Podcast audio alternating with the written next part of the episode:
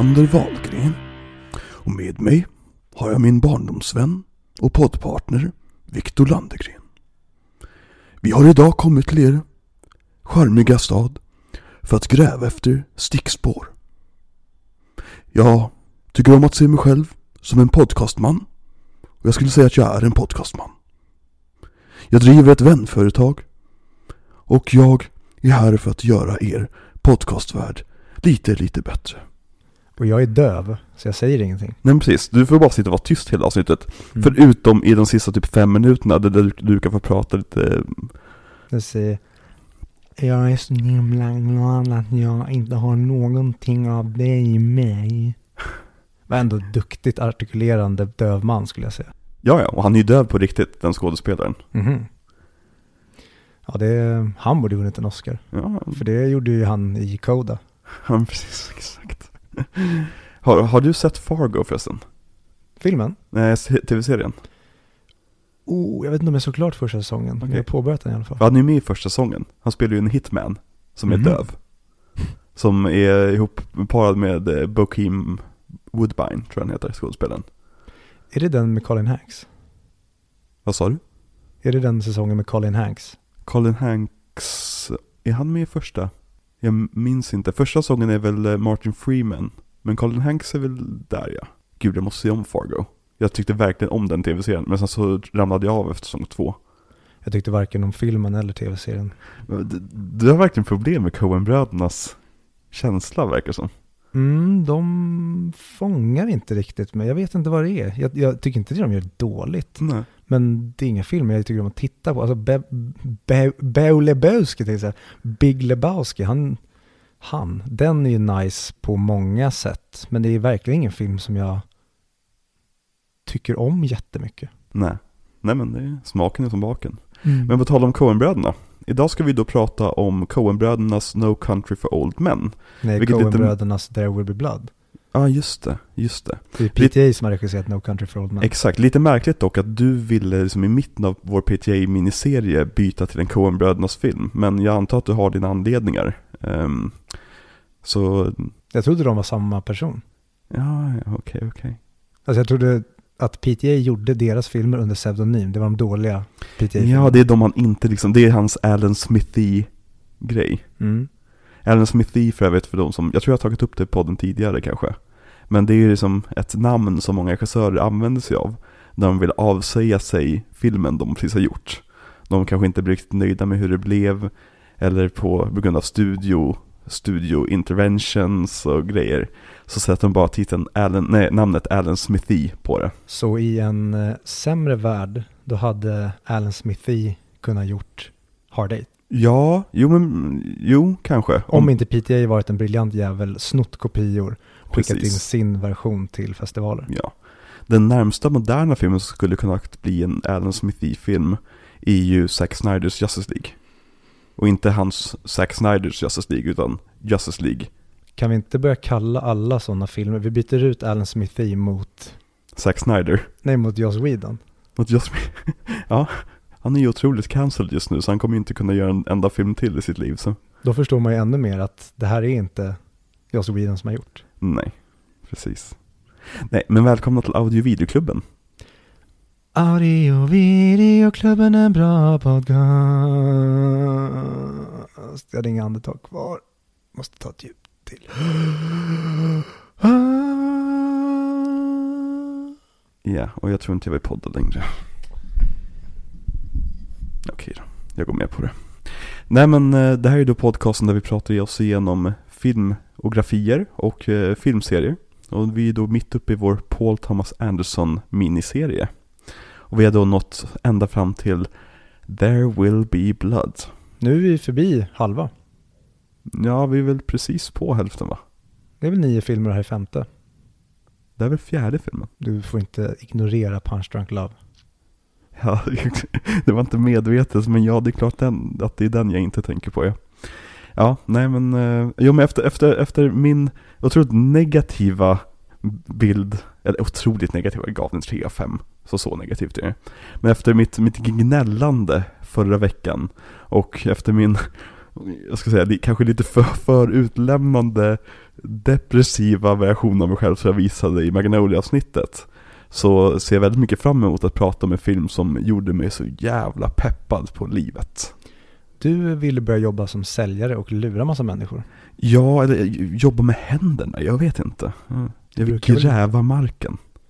Så det du vill säga är att du har börjat på massörshögskolan? Precis, exakt. Jag ska bli massös, inte massör, för jag tänkte byta kön i samband med det också. You got it all going for you. Jajamensan. Jag är då Alexander Wahlgren, och med mig har jag min vän. Jag har aldrig sagt det tidigare, men i och med att du körde efternamn nu så heter jag Viktor Österman Landegren.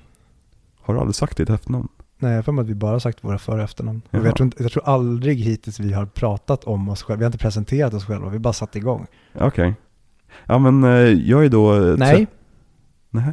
Vi går inte dit. Det här, nu håller vi det här. Så du menar att efter att vi hade ett helt avsnitt där vi pratade om de mest personliga sakerna som jag har haft i mitt liv så ska jag inte ens berätta hur gammal jag är? Exakt. Okej. Okay. nu går vi vidare. Okej, vi går vidare. Jag vill, det handlar inte om oss. Det är märkligt att säga i en podcast att du och jag har tagit oss friheten att sätta oss och spela in det vi pratar om. Vi kanske borde gå igenom, vi slutar göra en filmpodcast och så behöver vi prata om att vi kanske lider av narcissistiska tendenser. Alltså jag tror att utan att vara särskilt mycket så här hobbypsykolog så tror jag att både du och jag har lite narcissistiska sår. Säg inte så. Men vi ska ju då som sagt prata om Paul Thomas Andersons mästerverk. Hans magnum opus i mångas ögon. Mm. En film som blivit åter och återigen rankad som en av de bästa filmerna från 10-talet. Nej, 00-talet, ursäkta. Och kanske någonsin. Och kanske någonsin också. Det är väldigt många högt ansedda filmkritiker som har satt den filmen på den listan. Mm-hmm. Och jag förstår varför. För att när vi såg Magnolia, då sa jag att åh, Magnolia det är min favorit på Thomas Anderson-film. Nu så måste jag revidera den åsikten och säga att There Will Be Blood är definitivt min favorit Paul Thomas Anderson-film. Amen, Eli. Det är, det är helt bisarrt hur mycket jag tycker om den här filmen. Och när jag tänker på den i efterhand, när jag, alltså jag såg ju den i oktober, jag för mig att jag berättade om det tidigare. Ehm, då älskade jag den såklart och var helt lyrisk.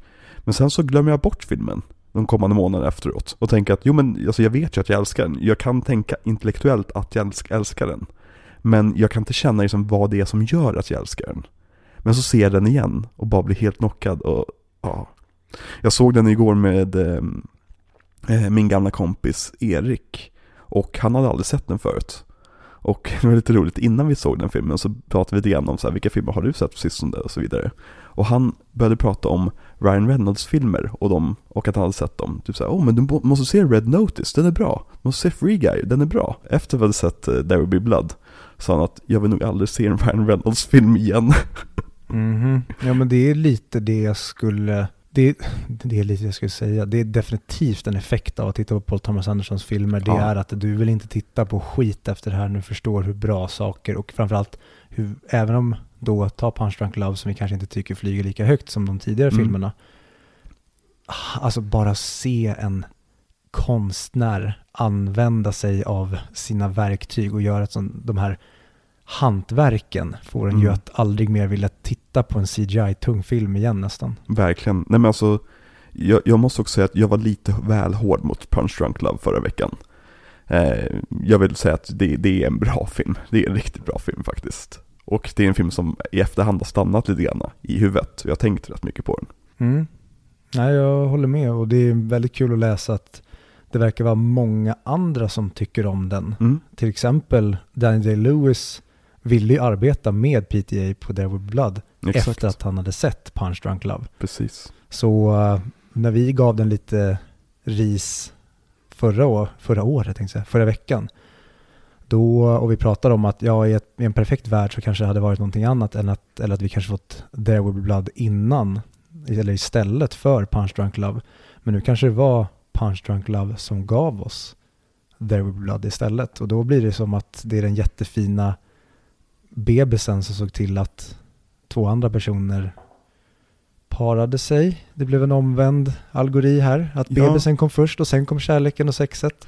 Nej, men man kan väl se det som att, okej, jätteluddig metafor, men säg att Magnolia, det var när Paul Thomas Anderson var iväg på en massiv roadtrip i USA, där han såg alla, alla sevärdheter och hade jättekul med sin, sin bästa kompis. Men Punch Drunk Love han hade en rätt tråkig utekväll bara. Men på den utekvällen träffade han sin framtida fru. Mm. Ja, men det är jag med på. För att dra en otroligt luddig metafor som jag inte riktigt vet vad den betyder egentligen, men jag tror ni fattar vad jag menar. Mm.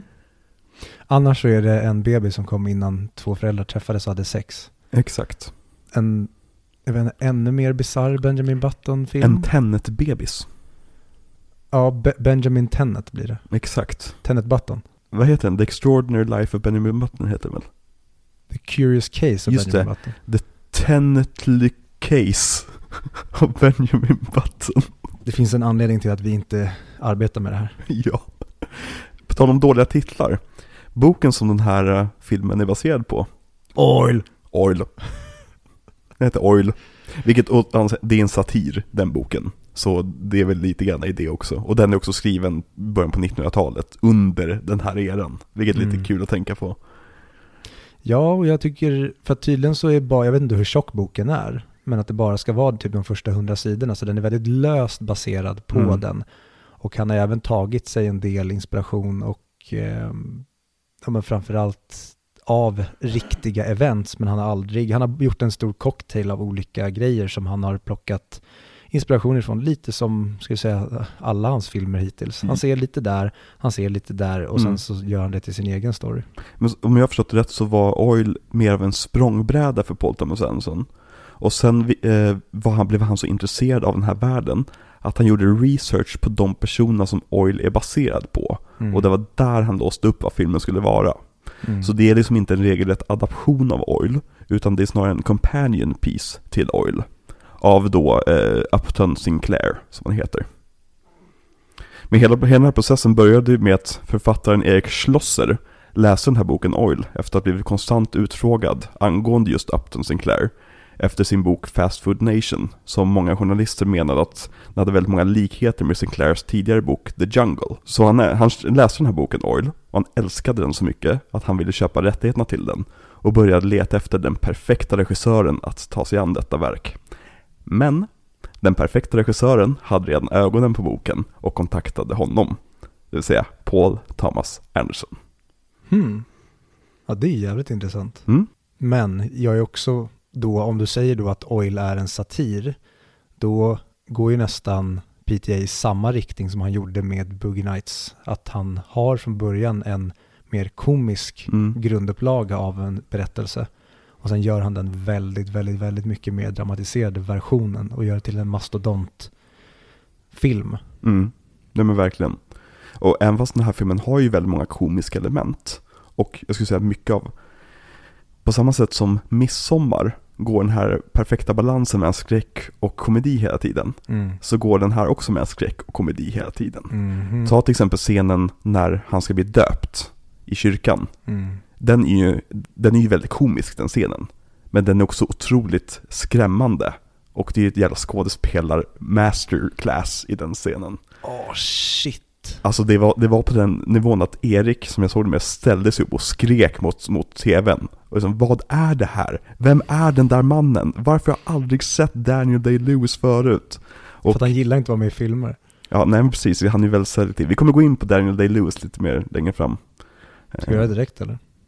Ja, jag tänkte, vi kan ju gå igenom processen eh, hur Paul Thomas Anderson skapade filmen och eh, castingen och lite sånt där. Kör hårt. För att Paul Thomas Anderson eh, skrev ju det här fantastiska manuset då. Och när han nästan var färdig så kontaktade han Da- Daniel Day-Lewis just för att han hade hört att Daniel Day-Lewis tyckte om Punch Drunk Love så mycket.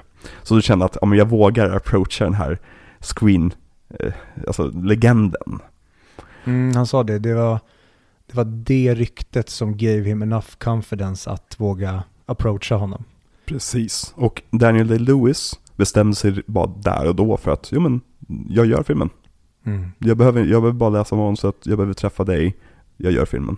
Mm, och det är coolt att de collabade inte så mycket med varandra fram till inspelning utan Danny DeLewis befann sig, tror jag då, i, på Irland eller om han var i England Mm. och Paul Thomas Anderson var i New York Mm. medan de mest hördes över telefon och han, de, de snackade mest ja, men, över kusten Mm. istället för att sitta och kanske vara i samma rum Mm. som många andra som collaborator gör, ses på fysiska möten för att det blir mycket mer intimt. Och det, Ja. får, det blir ännu mer mindblowing med vad slutresultatet sen blev. Precis. Och det är inte så att Daniel Day-Lewis ångrar att han var med i den här filmen med tanke på att han vann sin andra bästa manliga huvudroll-Oscar för rollen som Daniel, nej, jo Daniel Plainview heter han Ja. Eh, Men det kommer vi också gå mer in på lite längre fram. Men det, det Daniel Day-Lewis var så otroligt imponerad över med eh, Paul Thomas Anderson, det var ju det hur, hur påläst han var om det här ämnet och hur fantastiskt levande karaktärer det var i manuset. Plainviews son, som är en väldigt stor del av filmen, letades efter med liksom, eh, ja, vad heter lykta och Ja. Ljus och lykta. ljus och lykta i hela Kalifornien. Och de liksom besökte skolor och allt sånt där. Sen insåg Paul Thomas Anderson att nej men vi behöver någon som faktiskt har levt lite av ett vildmarksliv och kan skjuta vapen. Så då åkte de till Texas. Ja.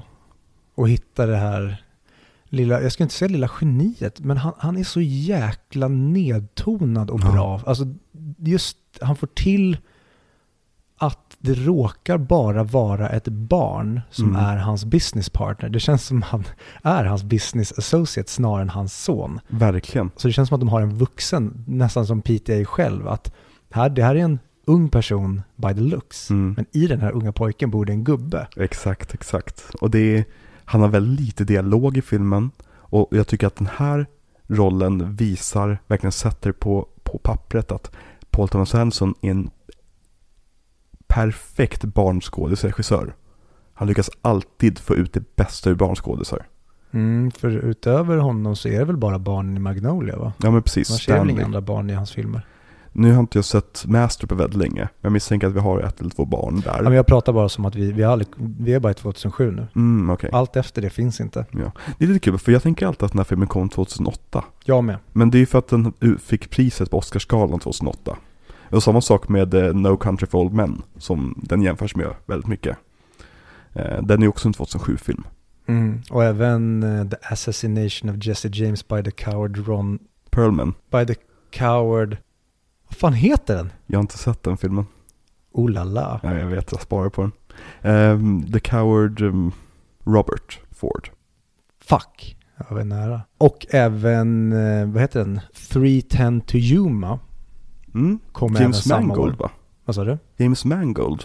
Mm. Med Christian Bale va? Och Russell Crowe. Den har jag bara sett en gång när den kom. Men jag minns att jag tyckte om den jättemycket. Den har jag inte sett. Vi kanske borde ha lite så här halv-western-kväll. Mm. Och eh, en annan väldigt briljant film som även kom det året, det är ju Spider-Man 3. Jag tycker vi ska prata om Spider-Man 3 en annan gång. Oh, det hade varit en kul DVD-kommentar. Jag tycker vi ska prata om eh, Spider-Man. Alltså ha en Spider-Man-miniserie. Mm, jag, jag måste vänta med det ett tag för jag är just nu väldigt mätt på Spider-Man känner jag. Ja. ja. Vi kommer ju prata Marvel i framtiden också. Och då kommer vi behöva nämna Spider-Man också. Med tanke på hur, inf- alltså ut, utan Spider-Man-filmerna, Sam Raimis Spider-Man-filmer, så hade vi inte haft det moderna Marvel. Nej. Men nu kommer vi av oss lite grann. Ehm, en, annan, en annan sak jag vill bara nämna innan vi, innan vi sen kan börja prata igenom skådespelarna. Det är också det att herrgården som Plainview bor i mot slutet av filmen är faktiskt en äkta oljebarons herrgård. Och det är en av de karaktärerna som hans karaktär är baserad på. Mm. Och den här herrgården, Greystone Manor, är idag en turistattraktion och används i jättemånga filmer. Som till exempel eh, Spiderman-filmerna av Sam Raimi.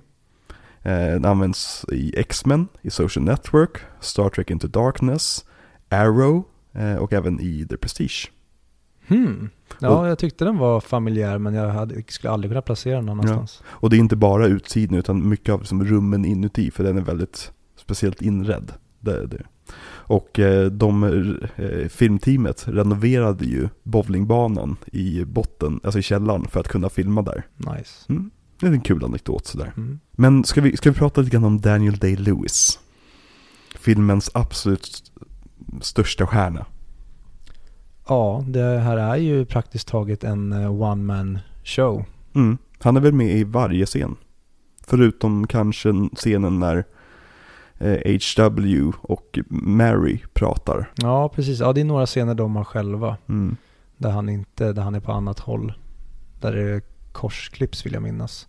Framförallt det som sen blir eh, hoppet från när hon står och försöker lära sig teckenspråk och sen hoppar de fram i tiden till när de är vuxna och ska gifta sig. Det är så bra. Mm. älskade det hoppet. Och jag älskar tidshoppen i den här filmen. Att vissa tidshopp, då får man se eh, siffran direkt på skärmen. Men andra tidshopp, då är det så att en scen börjar och sen när den scenen är slut, då kommer siffran fram som bara säger till ett nu är vi här. Ja, eller inte alls. Att vi bara, de, vi förstår att det har gått en viss tid och nu Mm. äger han vissa saker eller Exakt. nu befinner de sig där eller där. Mm. Då säger det att, ah, okej, det har passerat ungefär så här lång tid. Mm. Nej men det är en väldigt snyggt uppstyrd film. Men Daniel Day-Lewis, vad har du för relation till Daniel Day-Lewis? Mitt första minne av honom det var att jag fick se In the name of the father i skolan. Jag tror Aha. i gymnasiet borde det ha varit, eller så var det i slutet på högstadiet. Den posten är ju väldigt, väldigt ikonisk. Mm. Och jag kan säga idag att jag minns typ ingenting Nej. av det. Jag vet att han, eh, Det handlar väl om irländska frihetskrigare va? ja precis, det är någon son som typ joinar IRA eller något sånt där. Vi kommer ifrån IRA. Och pappan spelas ju av han, vad heter han, P- Peter Pettigrew. Ja, exakt. Peter Peter Nej, men vad heter han som är eh, den döende mannen i Inception? Jag kommer aldrig. P- Pistol Wattle, vad heter han? Efter- Ja, eh, eh, Postlethwaite. Exakt. Pete Postlethwaite. Han som för övrigt pratar i början på eh, Chumbawambas Tub Thumper. Okej. I get knocked down, but I get up again. You're never gonna keep me down. Och då pratar han en inledning på den här låten. Ja, han säger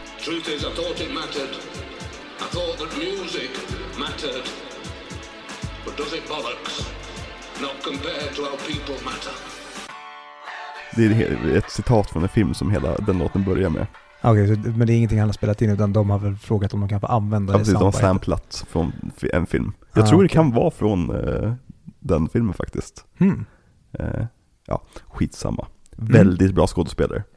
Verkligen och eh, det enda, min främsta association till honom det är ju The Lost World. Mm, där han är grym. Mhm. Han, han, men han har ju sånt där ansikte, alltså ni kanske inte vet vem, jag, vem vi pratar om här på grund av, av hans namn och de konstiga orden vi precis sa. Men när ni ser hans ansikte då kommer ni, ah, ah, that guy. För han har ju verkligen sånt där ansikte som bränner sig fast på, på, på hornhinnan. Philip Baker Hall är det vi pratar om. Exakt, exakt. Ja, de har lite grann liknande vibes förutom att jag skulle säga att Posset White har eh, lite mer av en intensiv jagande aura. Han har en aggression i sig som, eh, som eh, Philip Baker Hall inte har. Mm, jag tycker framförallt att han känns bajsnödigare. Det känns inte som att han skulle vara med på att göra lika många saker bara för att det är kul. Nej, Nej han, han känns som en person som skulle ta sitt skådespel väldigt seriöst. Mm, men det trodde jag samtidigt samma typ av beskrivning som Posselwater skulle jag även säga om eh, Daniel Day-Lewis fram tills jag kollat nu på intervjuer med honom. Mm. Där han inte alls framstår som den personen som jag trodde att han var baserat på hans ja, men, rykte helt enkelt. Ja men det är, så, det är så sjukt för han är verkligen en, en gosig gubbe. Mhm. när man kollar på honom i, privat, i privata sammanhang. Men han, han är känd för att vara väldigt knepig på filmsets. Men eh, vi, vi kan komma in på det här för att han, han är ju känd för att vara otroligt selektiv med sina roller. Mm. Och han har ju nu gått i pension efter Phantom Thread, som vi kommer prata om om några veckor. Som för övrigt heter bara Phantom Thread, inte The Phantom Thread. Vilket är lite konstigt. Tycker du? Jag vet inte, jag har alltid tänkt på den som The Phantom Thread. Alltså jag trodde ju att den här filmen hette The There Will Be Blood. Drop the the. It's The- cleaner. The Magnolia. The, Magno- Boogie Nights. Visste du att det har kommit uppföljare till Magnolia som heter Steel Magnolias? Vad är det här för något då? Steel Magnolias är en väldigt känd film från 89. Eh, det var ett litet skämt. Som flög bra. Nej men eh, Daniel Day-Lewis är ju liksom typexemplet av en method actor. Och då menar jag inte method actors som Jared Leto i det att han skickar använda kondomer och döda råttor till sina medskådespelare. Utan det att han lever som sin roll under inspelningen. Mm, är Jared Leto, han är ju den ytliga Ja, versionen av en method actor snarare. Alltså, om Daniel Day-Lewis går in i karaktären, Mm. då går Jared Leto, han gör, han sminkar sig till karaktären på utsidan. precis. Nej, men jag skulle säga att om det finns en tripp-trapp-trull mellan Jared Leto, eller Leto, och eh, Daniel Day-Lewis så är det ju Daniel Day-Lewis, Christian Bale, Jared Leto. Ja, då, då tycker jag ska stoppa in... Nej, Christian Bale och Daniel Day-Lewis, ni får inte nämnas i samma rum som men det- Jared. Det känns nästan som att Jared Leto använder ordet method actor för att få en ursäkt att bete sig som hur han vill. Ja, och jag tror också att han kanske är rädd för att vara förknippad, att så här, åh, du är musikern Jared Leto. Mm. Han bara, nej, jag är skådespelaren, jag är respekterad, jag är method actor. Det är helt bisarrt att han är sångaren i 30 seconds to Mars, from Mars, to Mars. On Mars? In Mars. Ja. 30 minutes or less to Mars, Precis. on Eh, Mars. Mars bars. Åt eh, två Mars bars igår. Nice, jag önskar att jag kunde göra det men jag har inget, inget socker i min diet just nu. Good for you. Ja, jag mår bättre än fan någonsin alltså. Det är, Good sock- for you. sock- socker är gift. Det är jävligt gott gift, men det är fan med ett gift. Mm. Bra knark. Ja, bra knark. Vitt pulver. Eh, nej men han är då typexemplet av en method actor som lever som sin roll under inspelningen och anses därför vara, vara lite småknepig att jobba med. Men man anställer heller inte Daniel Lewis utan att veta om det här. Så det blir ändå alltid bra och folk har alltid, alltid bra saker att säga om honom. Men det finns till exempel en väldigt, väldigt känd bild på honom under inspelningen av Lincoln. När han sitter i som full Lincoln-utstyrsel på något café och äter en hamburgare. Ja, och lite som med Christian Bale. Jag tycker respekt till de här männens fruar som kan leva med de här männen som grottar ner sig och blir deras karaktärer i en lång tid innan de ska spela in. Verkligen.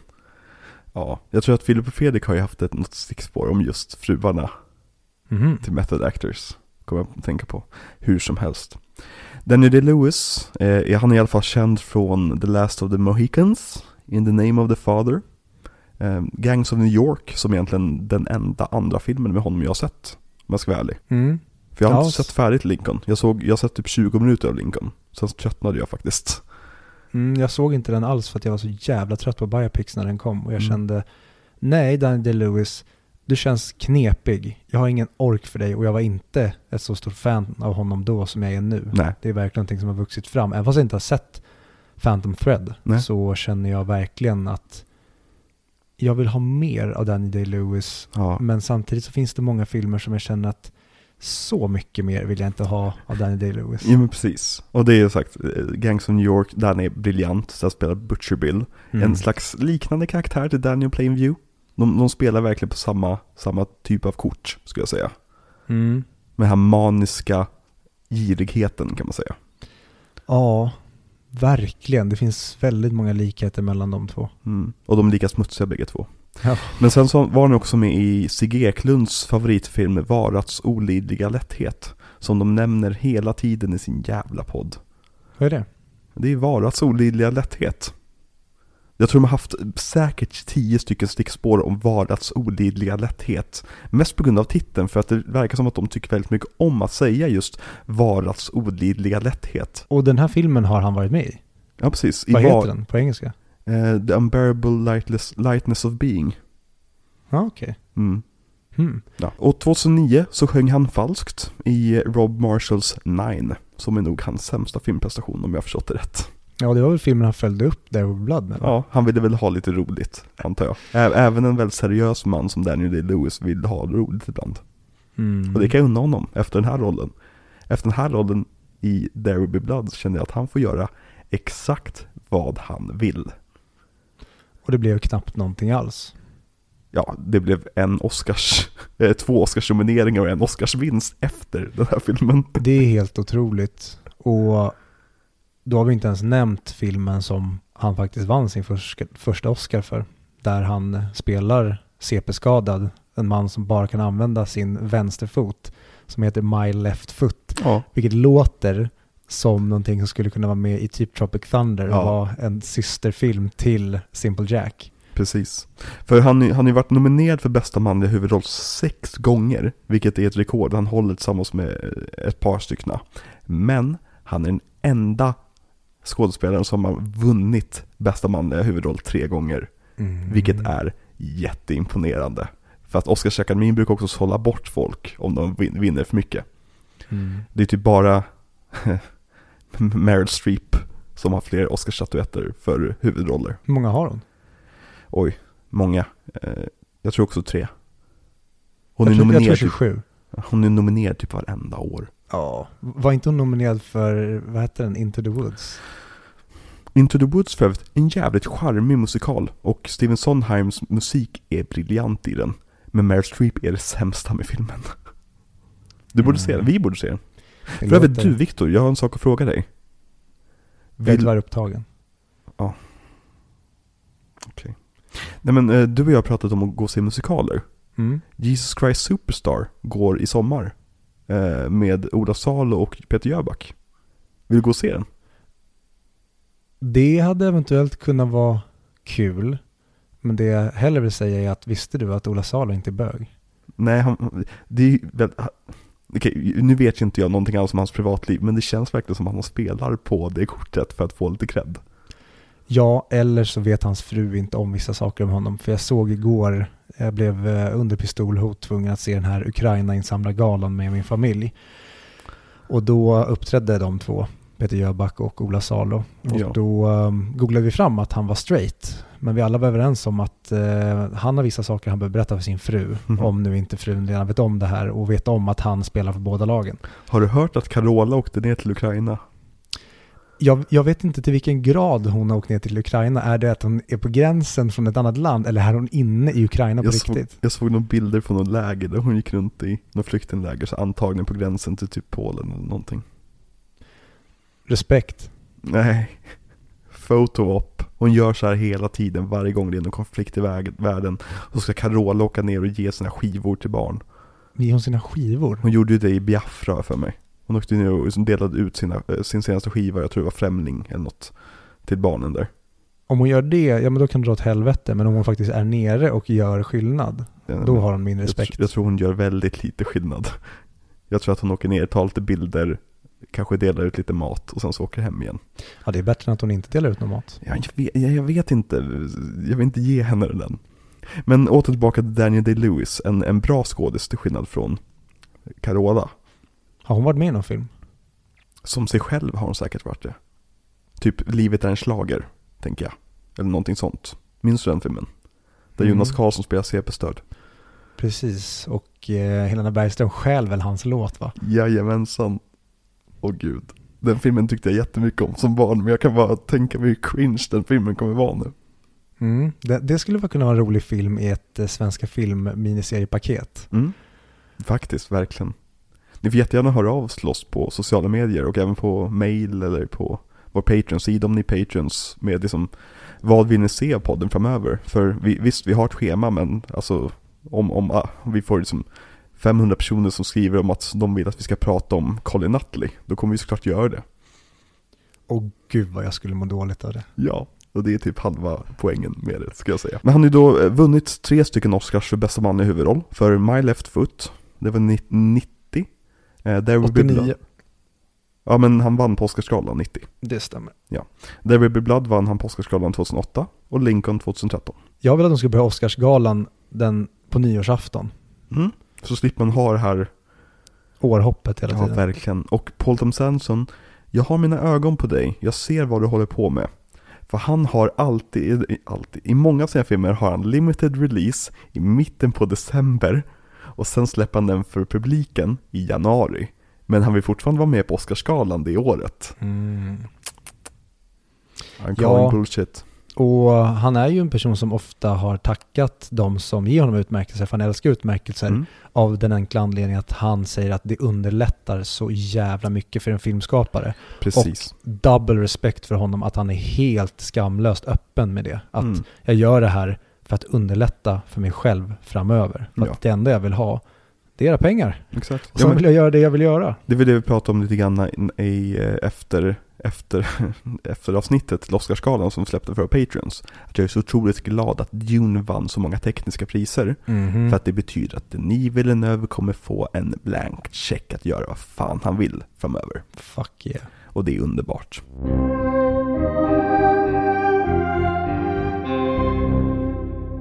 Men du. Hur många vinster tror du att Daniel Day-Lewis har vunnit under hela sin karriär? Hur långt är ett snöre? Du har, du har en siffra, vad tror du? 99. Nej, det är för lågt. 999. Okej, det är alldeles för högt. 139 actingpriser har han vunnit. Och han var nominerad för 212 av dem. Den hitraten för övrigt är fantastisk. Det är mer än hälften av alla gånger han är nominerad så vinner han. Ja, det är helt otroligt. Men samtidigt, vi kommer komma in på det när vi pratar om Da- Daniel Plainview, att det pratas ju om Daniel Day-Lewis om han eventuellt är den bästa skådespelaren någonsin i väldigt många filmkretsar. Och jag gillar ju, vi pratade tror jag om det i även när vi pratade upp eh, Oscar inför, Mm. vi tippade och även kommenterade olika rollprestationer. Och även med specialeffekter, att vissa blir nominerade för mesta specialeffekter Mm. snarare än bästa specialeffekter. Och Daniel Day-Lewis, han är en sån skådespelare som kastar mig lite av stolen. För jag gillar ju när skådespelare goes out on a limb Mm, och gör någonting som är wow. mm, Men Daniel Day-Lewis, han går inte ut on a limb på samma sätt, utan det är bara som att det är en annan människa Mm. där. Det, han bara är en urkraft som spränger igenom tv-skärmen på ett sätt som ja, men typ ingen annan gör. nej, man, man ser aldrig skådespelaren Daniel Lewis i filmer. Nej. Man ser hans karaktärer. Vilket är, ja, the hallmark of a good actor. Mhm. Men jag vill också bara tillägga att oavsett hur många priser och nomineringar han någonsin har fått så tror jag nog att det han är mest stolt över i sitt liv är att han är på frimärken i Irland, sitt hemland. Mm, det, det känns verkligen som en Daniel Day-Lewis-grej. Mm. Det, det spelar ingen roll vad jag gjort i min karriär. Det här är det som jag är mest stolt över om det bara är en utmärkelse. Ja men det, det, det är väl, alltså, det är en helt annan sak än att en massa rika filmskapare sitter och liksom ger dig priser. Mm. Att ditt hemland säger att du är så pass ikonisk för, för oss att vi ger dig den här hedern. Mm. Och skulle man googla ännu mer på hans privatliv då jobbar han väl med svältande barn eller något sånt där också. Han gillar väldigt mycket att spe, spela tv-spel, har jag hört. Eh, han gillar att sitta, sitta hemma och kolla på film och ta det lugnt. Han verkar som en jävligt chill snubbe nu när han har gått i pension. Mm. Och gammal, gammal är han? 60? Han är så gammal ändå. För sig, Ja. han har ju typ alltid sett ut att vara 40 plus. Ja. Men du får ju också tänka på att den här filmen kom 2007. Det är 15 år sedan. Ja, men han ser ju ut att vara typ lika gammal i, när han gjorde intervjuer för um, In the name of the father. Ja, Som jag har sett. Och jag skickade dig en bild på Paul Thomas Anderson. Mm. Där det är någon typ röda mattan-grej från den här filmen. Mm.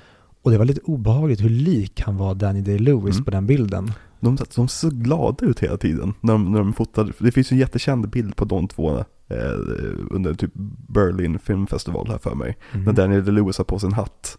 Och de ser så jävla mysiga ut och det ser bara ut som två, två liksom 40-plussare som är ute och tar en öl liksom. Mm, och det är kanske den absolut största faktorn till min kärlek till PTA. Mm. Det är att han verkar vara en så jävla nice dude och Mm. alla som arbetar med honom verkar må så bra. Ja, Det verkar verkligen som att han är den optimala regissören och han säger det, hans viktigaste arbete det är att skriva det bästa manuset och de bästa karaktärerna för att göra verkligen. det så lätt som möjligt för sina skådespelare sen. Och det lyckas han med nästan gång på gång på gång. Ja, det... Däremot, jag börjar bli lite nervös. Dock. För att jag minns att jag älskade Inherent Vice när jag såg den första gången. Men det finns någonting i mig som säger att du bör vara orolig för den filmen Alex. Jag vill minnas att du behöver vara orolig. Nej men jag har sett den tre gånger och jag tyckte att den var helt fantastisk alla gånger. Men eh, jag, vet- jag kommer kanske älska den i alla fall. Och jag är lite också nervös för nästa veckas avsnitt, eh, The Master. För att det inte är Elswit som har fotat den. Det är väl Hoyte, har jag för mig. Jag vet att det inte är Robert Elswit, men jag vet inte vem det är.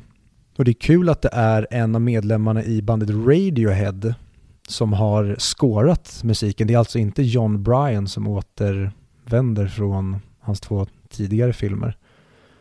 Utan nu är det ju Johnny Greenwood. Han, han är inte frontman i Radiohead, för han heter tydligen Tom York fick jag höra. Jag har ingen relation till Radiohead överhuvudtaget.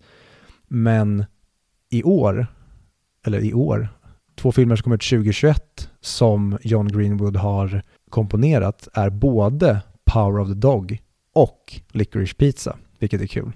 Ja, och han gör ju väldigt bra scores. Och väldigt så här, psykologiskt stressande scores.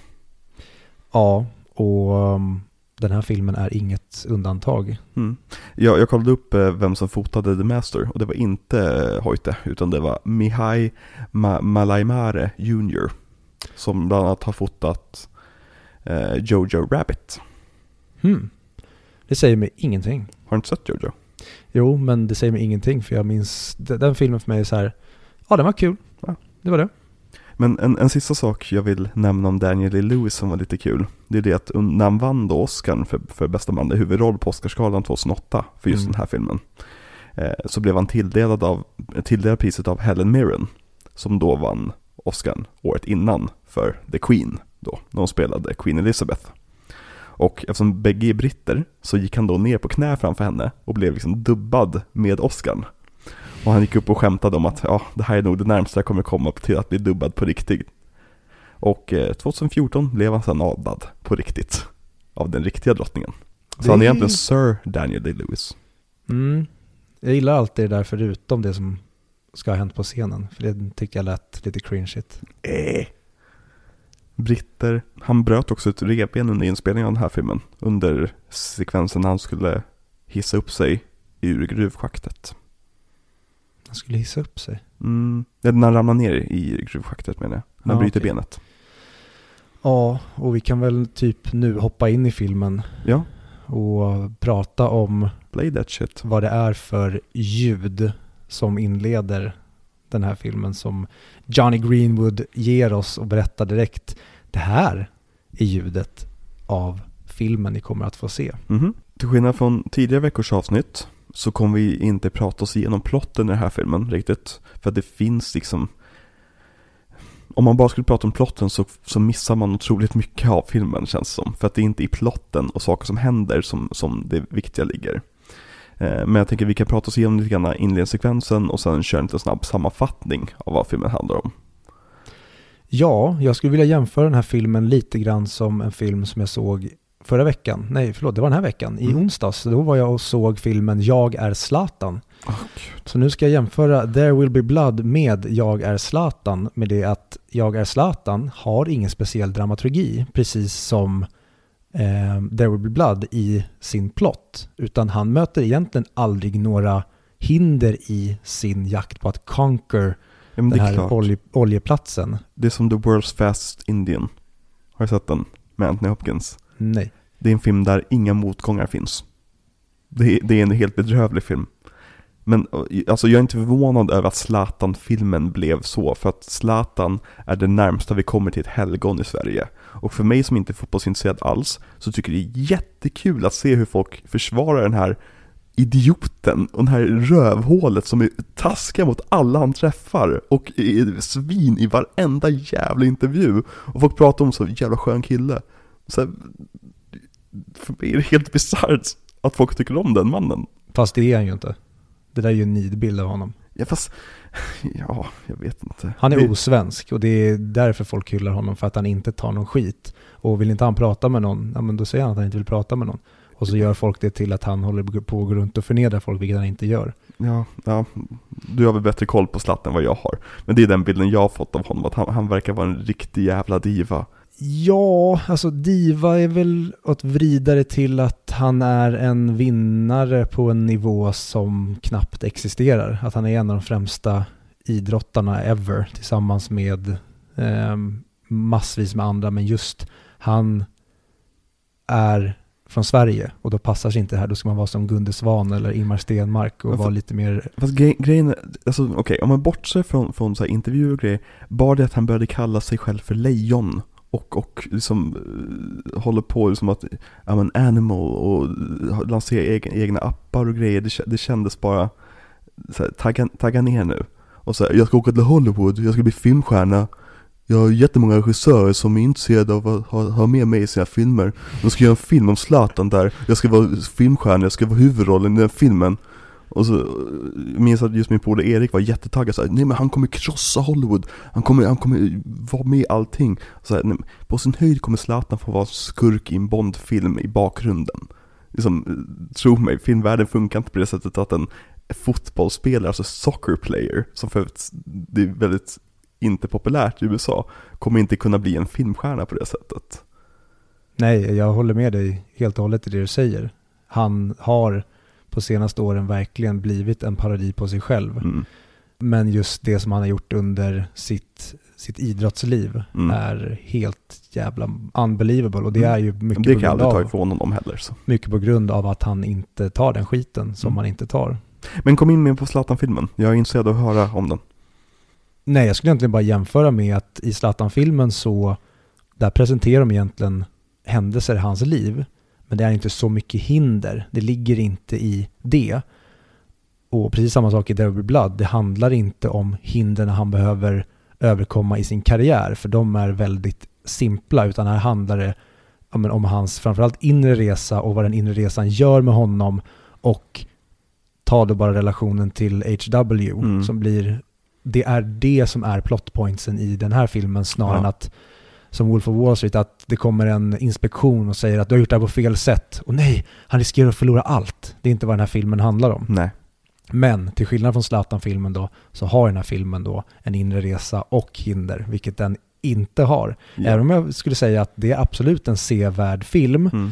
Du satte tre på den va? Ja, Mm. och det är inte så att det är en wow-film. Fotot ser väldigt svenskt reklamigt ut, så det är skittrist. Musiken är väl... Vad fan, eh. varför finns det inga intressanta svenska fotografer? Jo just det, de åker till Hollywood. Det var ingenting. Precis, de, de blir tagna direkt och så stannar 99,9% av alla kvar här och bara gör reklamer som ser ut som den senaste Vattenfall-reklamen. Ja, men det är för att ingen vill jobba med film i Sverige. För att de enda filmerna som görs i Sverige är diskbänksrealism med någon skild, frånskild mamma som har det svårt och hennes son som är mobbad i skolan och har det svårt. Eller någon, någon, någon invandrartjej som ska visa att tjejer kan min, minsann visst. Eller så har vi komedier med Hey Baberiba-gänget. Och det är så här, jag förstår varför svenska filmskapare flyr den här marknaden. För att det är Mm. helt omöjligt att få för svensk finansiering för att vi har fan, vad heter idioten? Anna Sterner. Anna Sterner på Svenska Filminstitutet som tycker att, ja men, att göra filmer, om det är en man i huvudrollen, ja då tänker inte vi finansiera det här. Det går inte att göra film i Sverige om du inte har det som ett socialrealistiskt perspektiv på det. Du, du, och och du, du måste få finansieringen från SFI. De enda som har tagit sig ur det här, det är ju Crazy Pictures. Mm.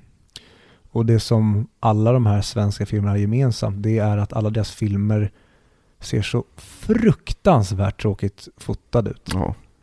Det är så platt och det är som jag sa, du kan slå på random jävla reklam på tv Mm. och det ser ut som att det är samma fotografer som har fotat. Ja. Allt ska vara så himla... Typ det, alltså jag skulle beskriva fotot som klämkäckt. ja. Allting ska se så... De, de vill få det att se dyrt ut. Mm. Men de förstår inte att genom att de försöker få det att se dyrt ut så ser det billigt ut. Precis, ja, och även typ regissörer som Ulf Malmros som vi älskar. Även hans filmer ser ju rätt dåliga ut, rent Mm. visuellt. Ja. Alltså Mala Sussi har ju en liten rough känsla, lite snatch-stämning i sig. Mm. Men det är ju mest på grund av budgeten, att han inte har råd med bättre utrustning. Mm. Och det, jag tar ju det alla dagar i veckan framför de här, ja men jag har fixat en asfet red kamera med sjukt tunga linser. Så bara, jag vill inte ha det. Fota hellre på någon gammal skitkamera med riktig filmrulle. Ja, men rulle. de, de köper den här, dyr, den här dyra utrustningen, eller hyr den dyra utrustningen ska man väl säga. Eh, och sen så gör de ingenting roligt med den. Nej. De använder sig av standardinställningen och har någon slags platt widescreen-foto. Som för övrigt, jag kommer komma in på foto, fotografiet i den här filmen och vad det är som gör den här filmen eh, Ah. lite längre fram. Eh, men i inledningssekvensen i alla fall, om vi ska prata om det vi sa att vi skulle prata om, så, så hittar ju Dan, Daniel Day-Lewis karaktär, Daniel Plainview, olja. Och han gräver under en tyst sekvens där ingen dialog alls. Och min kompis Erik sa, är det, no- är det någon dialog i den här filmen alls?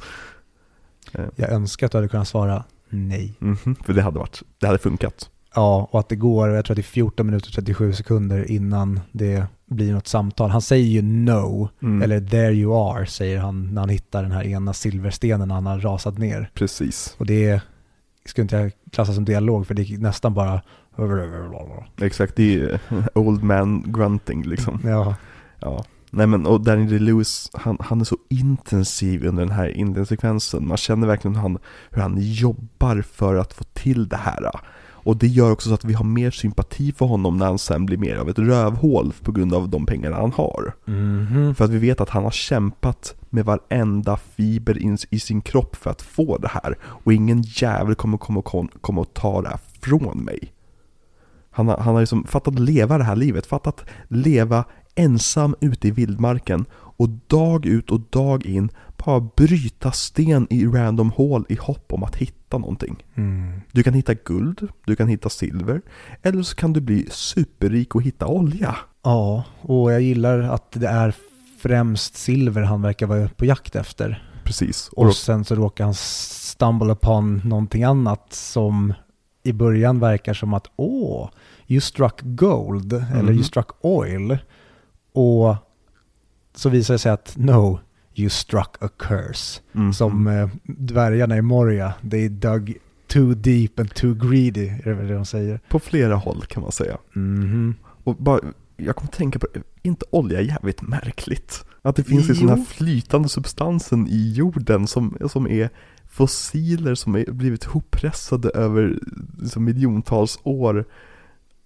Som vi kan använda för att bränna saker. Det, Ja, är, det är liksom så här, livet är en simulation-argument nästan på den. jo men det är sådana där saker som jag förstår att folk liksom vänder sig rakt in i religionen. När Ja. man börjar fundera på, ah, det måste vara en grand designer som sitter och gör det här. För det, saker på den här planeten är för komplexa för att ens hjärnan ska börja kunna greppa det. Och därför försöker vi då rationalisera som du precis sa. Att det är så vi förklarar någonting. Mm. För det är våra ord, men det är fortfarande... Va? Ja, precis, vad är olja för något? Alltså jag Mm. vet ju vad olja är för något, men liksom, vad fan? Lägg ner! Sluta! Jag går inte på det, olja finns inte på riktigt. Nej men typ. Ja. Och det kan man nästan då gå över till att ja, nej, för olja finns inte i den här filmen för det är milkshake-medel som Mm. de har på McDonalds som de gör oljan av i den här filmen. Och det blir nästan mer greppbart för mig. Mm. Att ah, okej, det här var bara en tidig version av milkshaken på McDonalds. Ja men då förstår jag varför det är så värdefullt. ja. Men den här filmen i alla fall, eh, efter, efter att Daniel Plainview har hittat oljan och han börjar pumpa upp, upp olja värd ungefär 5000 dollar i veckan. Som för övrigt i dagens mått mätt hade varit en skitbra inkomst.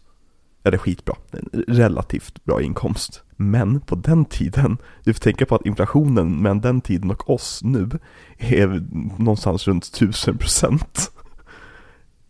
Och han, alltså, oljan var så otroligt värdefull. Så de här oljemagnaterna blev ju så snuskrika.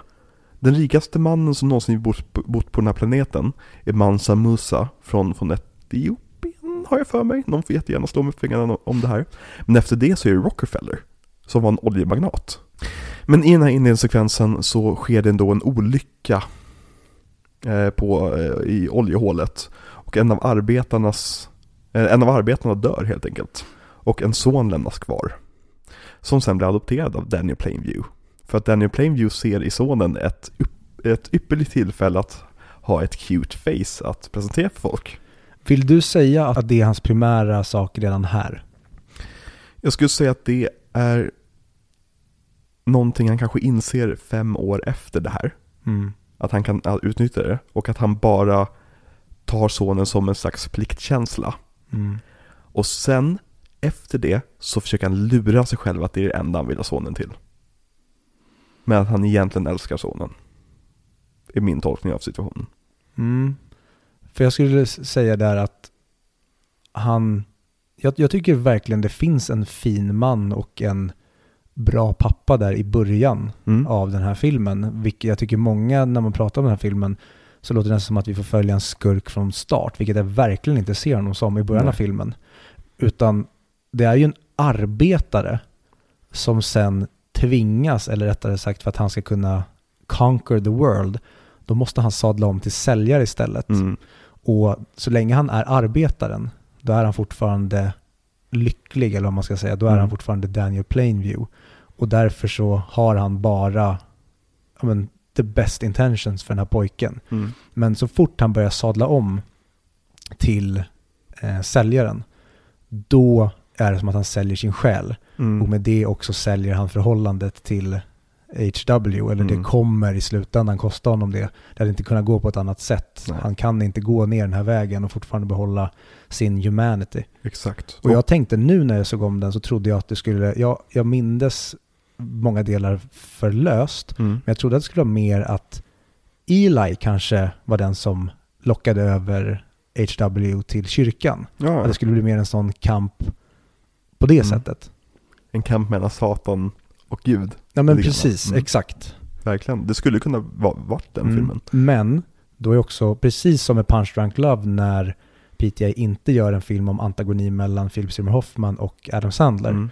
Philip Seymour Hoffman, eller så Philip, PTA är även i den här filmen mycket, mycket smartare och mycket, mycket bättre på att skriva film än vad jag ens kan planera ut med hans filmer i, med facit i hand. Mm. Jag kan inte ens hitta bättre alternativ till vad de skulle gjort istället. För jag är övertygad om att hans alternativ ändå hade varit bättre. Hur mycket jag än projicerar någonting. Precis.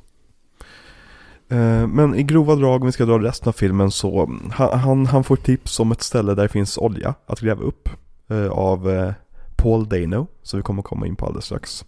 eh, som spelar då Paul Sunday. Eh, han åker iväg till den här farmen, eh, lurar dem egentligen, försöker lura dem, men en, en av de andra bröderna där på farmen inser vad han håller på med och drar upp priset lite grann. Eh, inte tillräckligt högt, måste jag dock säga. Eh, sen han köper den här farmen, börjar drilla efter olja, han möter den här prästen spelad av Paul Dano igen, Eli. Ehm, och det, ja, det händer grejer, de bråkar, det grävs upp olja, de bråkar. Eh, Och i slutändan så har han blivit en rik, isolerad, miserabel man som bara sitter inne i sitt eget mansion. Och till slut slår han ihjäl sin, sin motståndare Eli. Och det är väl egentligen hela jävla sammanfattningen av filmen. Mm. Ja, och den här filmen hade ju pretty much egentligen kunnat utspela sig i vilken tid som helst. Mm. Men jag älskar att han placerar den i just den här tiden. Eller kanske inte just den här tiden, för det finns säkert hur många lika intressanta tider som helst. Men att det inte var till exempel Wall Street eller någon, en modern kontext. Mm. Jag är så glad att han går tillbaka i tiden och ger oss en history pick. Precis, och han får också visa sitt älskade San Fernando Valley i en annan, annan tidsålder. Än den vi är vana vid att se. Ja, eller eh, Mexico. Ja, de, är Eller inte, säga Mexico, Texas. Förlåt. De- Förlåt Texas, ni inte Mexico. de är inte i Texas. Jo. Nej, de är ju i Kalifornien. Ja, det utspelar sig i Kalifornien, men de spelar in i Texas. Jaha, men alltså, okej, ja, jo, precis, för, San Fernando Valley är ju helt överbyggt. Du. Precis, och de är ju i Little Boston. Mm. Som även, det ligger ju i, där idag Long Beach ligger. Mm. Så det är ehm, helt otänkbart Ja, att den miljön idag är superbebodd, överbebodd med uteliggare och eh, hus och bilar. man tänker ju knappt på att det är Kalifornien, i och med att vår bild av Kalifornien är sunny beaches, så Mhm. att säga. Men så fort de kommer till vattnet och har den här badsekvensen när de badar, han och hans bror, eh, eller bror inom citationstecken, hans bror, eh, Henry. Henry, som vi också kommer komma in på, för han är typ den tredje mest viktiga rollen i filmen. Då se, tänker, man, tänker man, just det fan, de är ju i Kalifornien. Mm. Men jag vill prata lite grann om Paul Dano, ja, ska han ha en Oscar för eh, The Riddler? The Riddler. Mm. Ave Maria. Jag var och såg om den. Va? Jag var och såg om den i veckan. Ja, jag ska se den imorgon. The Batman. Ja, du höjde ditt betyg till och med. Mm. Nice. Holy fuck, var, den här gången var det bara rakt in i venerna. Ja. Jävlar vilken bra film det är. Fyra och en halva. Ja, Mm. den har såklart skavanker, men var många delarna jag såg första gången som jag bara kunde acceptera den här gången för att de, ja men nu visste jag att de kom och då kunde jag ha ett helt annat förhållningssätt till den. Skulle du säga att det är din trea på Batman-listan? Definitivt. Mm. Den, ja absolut. Jag tror att den ligger någonstans där också för mig. Eh, Men Paul Dano, han är ju känd för att spela smått obehagliga, eller smått, väldigt obehagliga karaktärer. Mm. Och lite så här unsavory types och kanske lite smått, inte, okej utvecklingsstörda är fel ord, men folk som har lite brister i hjärnan. Om man säger så. Han behöver äta vitaminer. Ja, och han har också ett ansikte som andas fosterskada på något sätt. Mhm. Eh, och jag vill inte vara taskig för han, he's a good looking man. Men de, de är näst, Really? ja, om man kollar på typ bilder på honom när han är med på typ galor och grejer. Han, han, han, när han är liksom uppsminkad och liksom med kläder på sig och allt sånt där, han ser ju bra ut liksom. En sminkad gris. Ja men precis. Men, men äh, regissörer gillar verkligen att använda hans lite så här unsettling vibes på bra sätt. Mm. Och han är känd för till exempel eh, Little Miss Sunshine, som var hans stora breakthrough. Just det. Eh, och han är ju med i eh, Prisoners, där han spelar The Prisoner. Där han spelar The Riddler. Ja men typ. Han är med i Looper. Eh, Ja, just det. han är ju den som får fingrarna avklippta under, som, i en sekvens som egentligen inte makes sense. För att om de klippt av hans fingrar i dåtiden, då borde han ju ha levt hela sitt liv med avklippta fingrar. Men Looper är en så pass bra och kul sci-fi film och med som, det är som flash take på time travel att jag bryr mig inte riktigt. För Ryan Johnson. Eh, Love and Mercy, filmen om eh, Brian Wilson från Beach Boys, är en fantastisk i. Eh, Swiss Army Man spelar han huvudrollen i. Mm. Där är vi mest Daniel Radcliffe som har fått pris. Eller pris fick han ju inte, men alltså han blev hyllad för den. Men jag tycker att eh, Paul Dano är den som lyfter det stora lasset i den filmen. Mm. Och jag är väldigt svag för, nu kanske inte han är the straight straight man, men jag är väldigt svag för de som spelar med de mer extravaganta karaktärerna i filmer som Mm. får det att funka, för de är precis lika viktiga som deras bollplank. För funkar inte de så kommer den andra karaktären också falla. Exakt. Och så som Victor antyder på, han är också känd från The Batman, när han spelar Edward, Edward Nashton, The Riddler. Eh, Och han ska ju också skriva, han är också författaren till en comic book prequel till The Batman, som handlar just om The Riddlers, hur The Riddler blev The Riddler, Mhm. som han kommer författa. Vilket är lite Åh, kul. fan.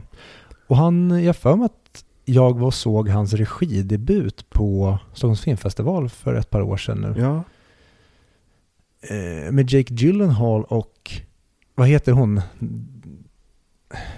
ja hon ja. Från Drive. Marion Cotillard tänkte säga det heter jag. Ehm, men Jesus. Men Daniel Plainview, kom igen nu. Nej, vi skiter i det. Hon som spelar den kvinnliga huvudrollen i Drive. Ni som har eh, bättre minne än mig får... ja. eh, Jag har bara sett Drive en gång, och det är hemma hos dig. Jo, just det. Vi kanske också borde, borde tillägga för den som... Vi har inte blivit uppköpta av Mossfilm. Det, det var ett aprilskämt. Nej, jag har haft samtal med dem. Jaha, okej. Jag trodde det var ett aprilskämt. Ja, men då så. Ah, jag la, ah, okej. Ja, jag la upp det på första april. Jag tänkte inte ens på det. Mm. Nej, alltså Vladimir och jag har ju haft dialog sedan i höstas egentligen. Ja, men alltså, jag har ju haft lite så här personer som har stått utanför min port och skrikt saker på ryska. Men jag har inte vågat släppa in dem, för jag trodde att det var ju som folk från Bandbergen som hade kommit ner och ville, jag vet inte, råna mig eller någonting. Men det kanske är dem. Ja, alltså de skulle ju slänga in säckar med pengar. Jaha. Ja men det är ju rubel, så det är ju värt som toapapper ungefär. Mm. De får du sitta på. Du får ha dem i madrassen bokstavligt talat. Ja men precis. Det får exakt. bli din madrass, för så mycket pengar var det vi fick i våran deal. Men tillbaka till Paul Dano. Eh, så kommer han också spela Spielbergs pappa i filmen The Fablemans. Som kommer nästa år. Mhm. Vadå, Vilket en inte- biopic om Steven Spielberg? Ja, regisserad av Steven Spielberg. Ah, Det, det, är ingen, det är ingen regelrätt biopic, utan det är, den heter The Fablemans, alltså istället för The Spielbergs. Så det, det ska vara lite av en lös adaption av hans riktiga liv. Men eh, det verkar som ett väldigt rart projekt. ja, do your thing. Det, Mm. Jag är bara alltid rädd för folk som ska porträttera sig själva eller gör någonting som Men det är väldigt sällan det deras- händer. Att någon gör en biopic om sig själv. Det är ju Honeyboy jag tänker på framför allt. Den såg jag aldrig dock. Den var ju väldigt bra så jag får ta Mm. tillbaka det jag precis sagt. Jag tar tillbaka allt jag sagt någonsin. Bra, då så.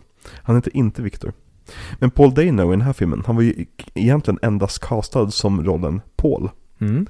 Eh, Men efter att Kell O'Neill, som egentligen skulle spelat Eli, eh, enligt ryktet i alla fall, blev för skrämd av Daniel Day-Lewis tendens att stanna i karaktären mellan tagningarna, så sa han upp sig efter två veckor. Eller han blev sparkad efter två veckor. Antagligen i grund och botten för att han inte funkade som rollen. Eh, Men då fick Paul Dano ta över även den rollen som Eli. Och han hade endast fyra dagar på sig att förbereda sig. Mind blowing med resultatet i hand. Verkligen, för det är om Daniel Day-Lewis levererar en masterclass, masterclass, masterclass, masterclass. Säger Ja, båda funkar. Ja, alla tre alternativen. Om Daniel Day-Lewis levererar på högsta nivå i den här filmen så gör fan mig Paul Dano det också. Det här är hans absolut bästa film, hands down. Mhm. Ja, det, han är fläckfri och Och Just. skrämmande. Ja, och hur PTA använder sig av, alltså castingen i den här filmen. De går inte fel med en enda ens statist Nej, när det kommer till det tidsenliga. Alla känns verkligen som, ja men det är klart han såg ut sådär och pratade sådär och var Precis. klädd och rörde sig sådär på den här tiden.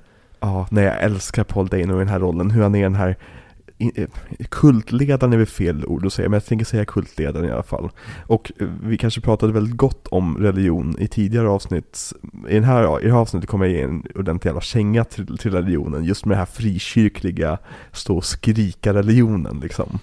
Och det är så underbart porträtterat hur han, eh, hur han manipulerar sin publik steg för steg. Det finns en scen till exempel när han ska, när man får se en sermon som han har, där han viskar och han säger till, sitt, till sitt, eh, sin congregation att den heliga anden har visat mig att jag kan driva ut en ande, eller ett, ett spöke med en viskning. Och så sätter han sig vid en åldrad kvinnas händer och säger att jag märker att du har artros. Och jag kommer dra spöket ur dig med en viskning. Men så fort han kommer upp i varv, vad gör han då? Han börjar skrika för att det är så de här frikyrkliga prästerna får kontroll över sin publik. Att ha de här högt och lågt. Jag är väldigt intresserad av just kultledare och, och de här liksom frikyrkliga prästerna. Jag funderar nästan på att bli det. Men det kanske inte jag ska säga högt för då kommer ju folk inte följa min kult sen. Hör ni det grevarna från Motala? Exakt. Det är jag som är er överstepräst. I Satans namn ska jag befria er från Guds kedjor. Kom till mig. Känn Jesus Kristus blod flyta genom dig och ge mig ljus! Ja. Eh, jo, men eh, ryktet då om att eh, eh, han blev eh, skrämd från, roll, från rollen eh, den tidigare skådespelaren. Det, det är ju dementerat av både PTA och Daniel Day-Lewis. Alltså snacka om en classic förklaring till varför man inte höll måttet. Ja, Det är som alla snubbar i hela Sverige säger att ah, men jag hade fan blivit fotbollsproffs om jag inte hade pajat knät. det är som Alex Schulmans alla saker han hade varit proffs på. Ja just det, han, eh, vad, är hans anledning till det? Han säger att han var lika bra som eh, sin eh, släkting Martin Åslund på fotboll, men jag minns aldrig vilken anledning det var till varför han inte blev proffs. Ja, för att han inte, inte gjorde arbetet. Men han hade ju också kunnat vara den bästa schackspelaren i världen. Och Just den det. bästa pingisspelaren i världen. Och nu är han ju tydligen den bästa författaren Ja, men precis, exakt. Han ska ju tydligen skriva musikal också. Ska han? Ja, han, han, det är någonting han annons, annonserat i sina annonsinslag i senaste avsnitten av podden. Med Lyko. Hmm. Eller vad heter det? Jo, Lyko, det är snusmärket. Ja. Nej, det är eh, typ hudvårds... Jaha, vad, vad, heter, vad heter snuset? Lyka kanske? Kan det heta det? Skitsamma. I'm not a snouser so I don't know. Ja, nej men eh, ja, jag, jag känner en stor avsky för Alex Schulman, ska jag tillägga. Och eh, för er som redan har lyssnat på spelavsnittet så vet Jag tror, ni. inleder inte jag det avsnittet med att säga att han är ful? Jag till och med, tror till och med att du säger att han är så jävla ful. Ja, men han är ju det. Jag tycker verkligen att hans ansikte är verkligen ett sånt slappable ansikte. När jag ser Alex Schulman, Då kan jag förstå Will Smith.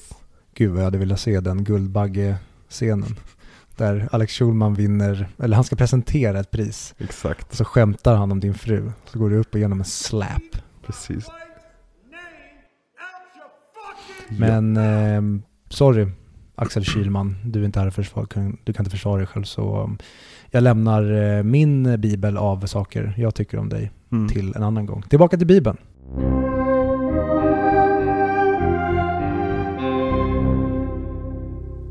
Men sjukt att eh, Paul Dano vann, nej vad säger jag, vann, han blev nominerad till en Bafta för en roll. Han fick fyra dagar på sig att förbereda. Det är helt absurt. Där kan man snacka om motsatsen till Method, nästan. Ja, och sen tror jag det är ett recipe for disaster mer än vad det skulle vara det andra. Men i det här fallet så verkar det varit någonting som, ja, jag vet inte om det hade kunnat bli annorlunda med andra förutsättningar, men Han är ju- lightning struck. Han är ju som skapt för att göra den här rollen. Ja, typ.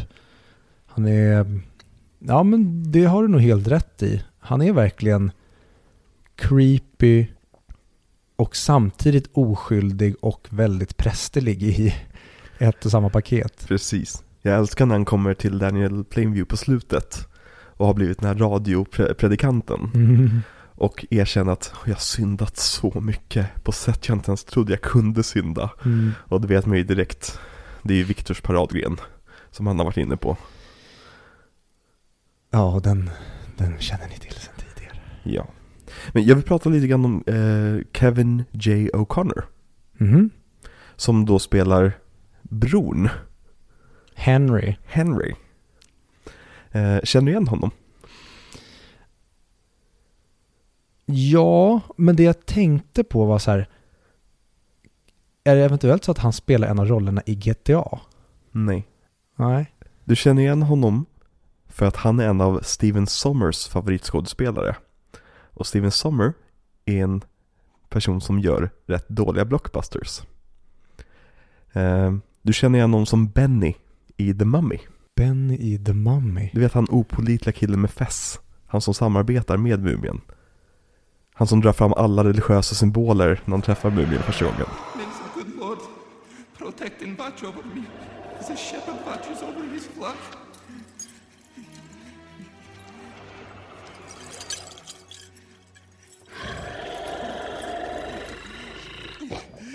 يا إلهي سيبني يا إلهي عفاني Tchau, tchau. Pousa. Pau. Tchau, tchau. Pau.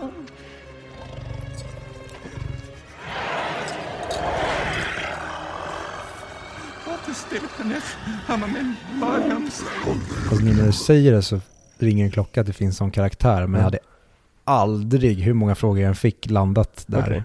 Han spelar också Igor i Van Helsing. Gör han? Mhm. Jaha. Vad fan tänkte jag spelade Igor? Jag tänkte typ, äh, men det är väl, uh, spelar inte Faramir? Nej, Han, det, spel- han är munken ja, va? han spelar ju hans Q, typ. Just det. Det är Typ hans sämsta roll. Vad heter han? Inte Daniel Th- eh, Thewlis. Det är Lupin.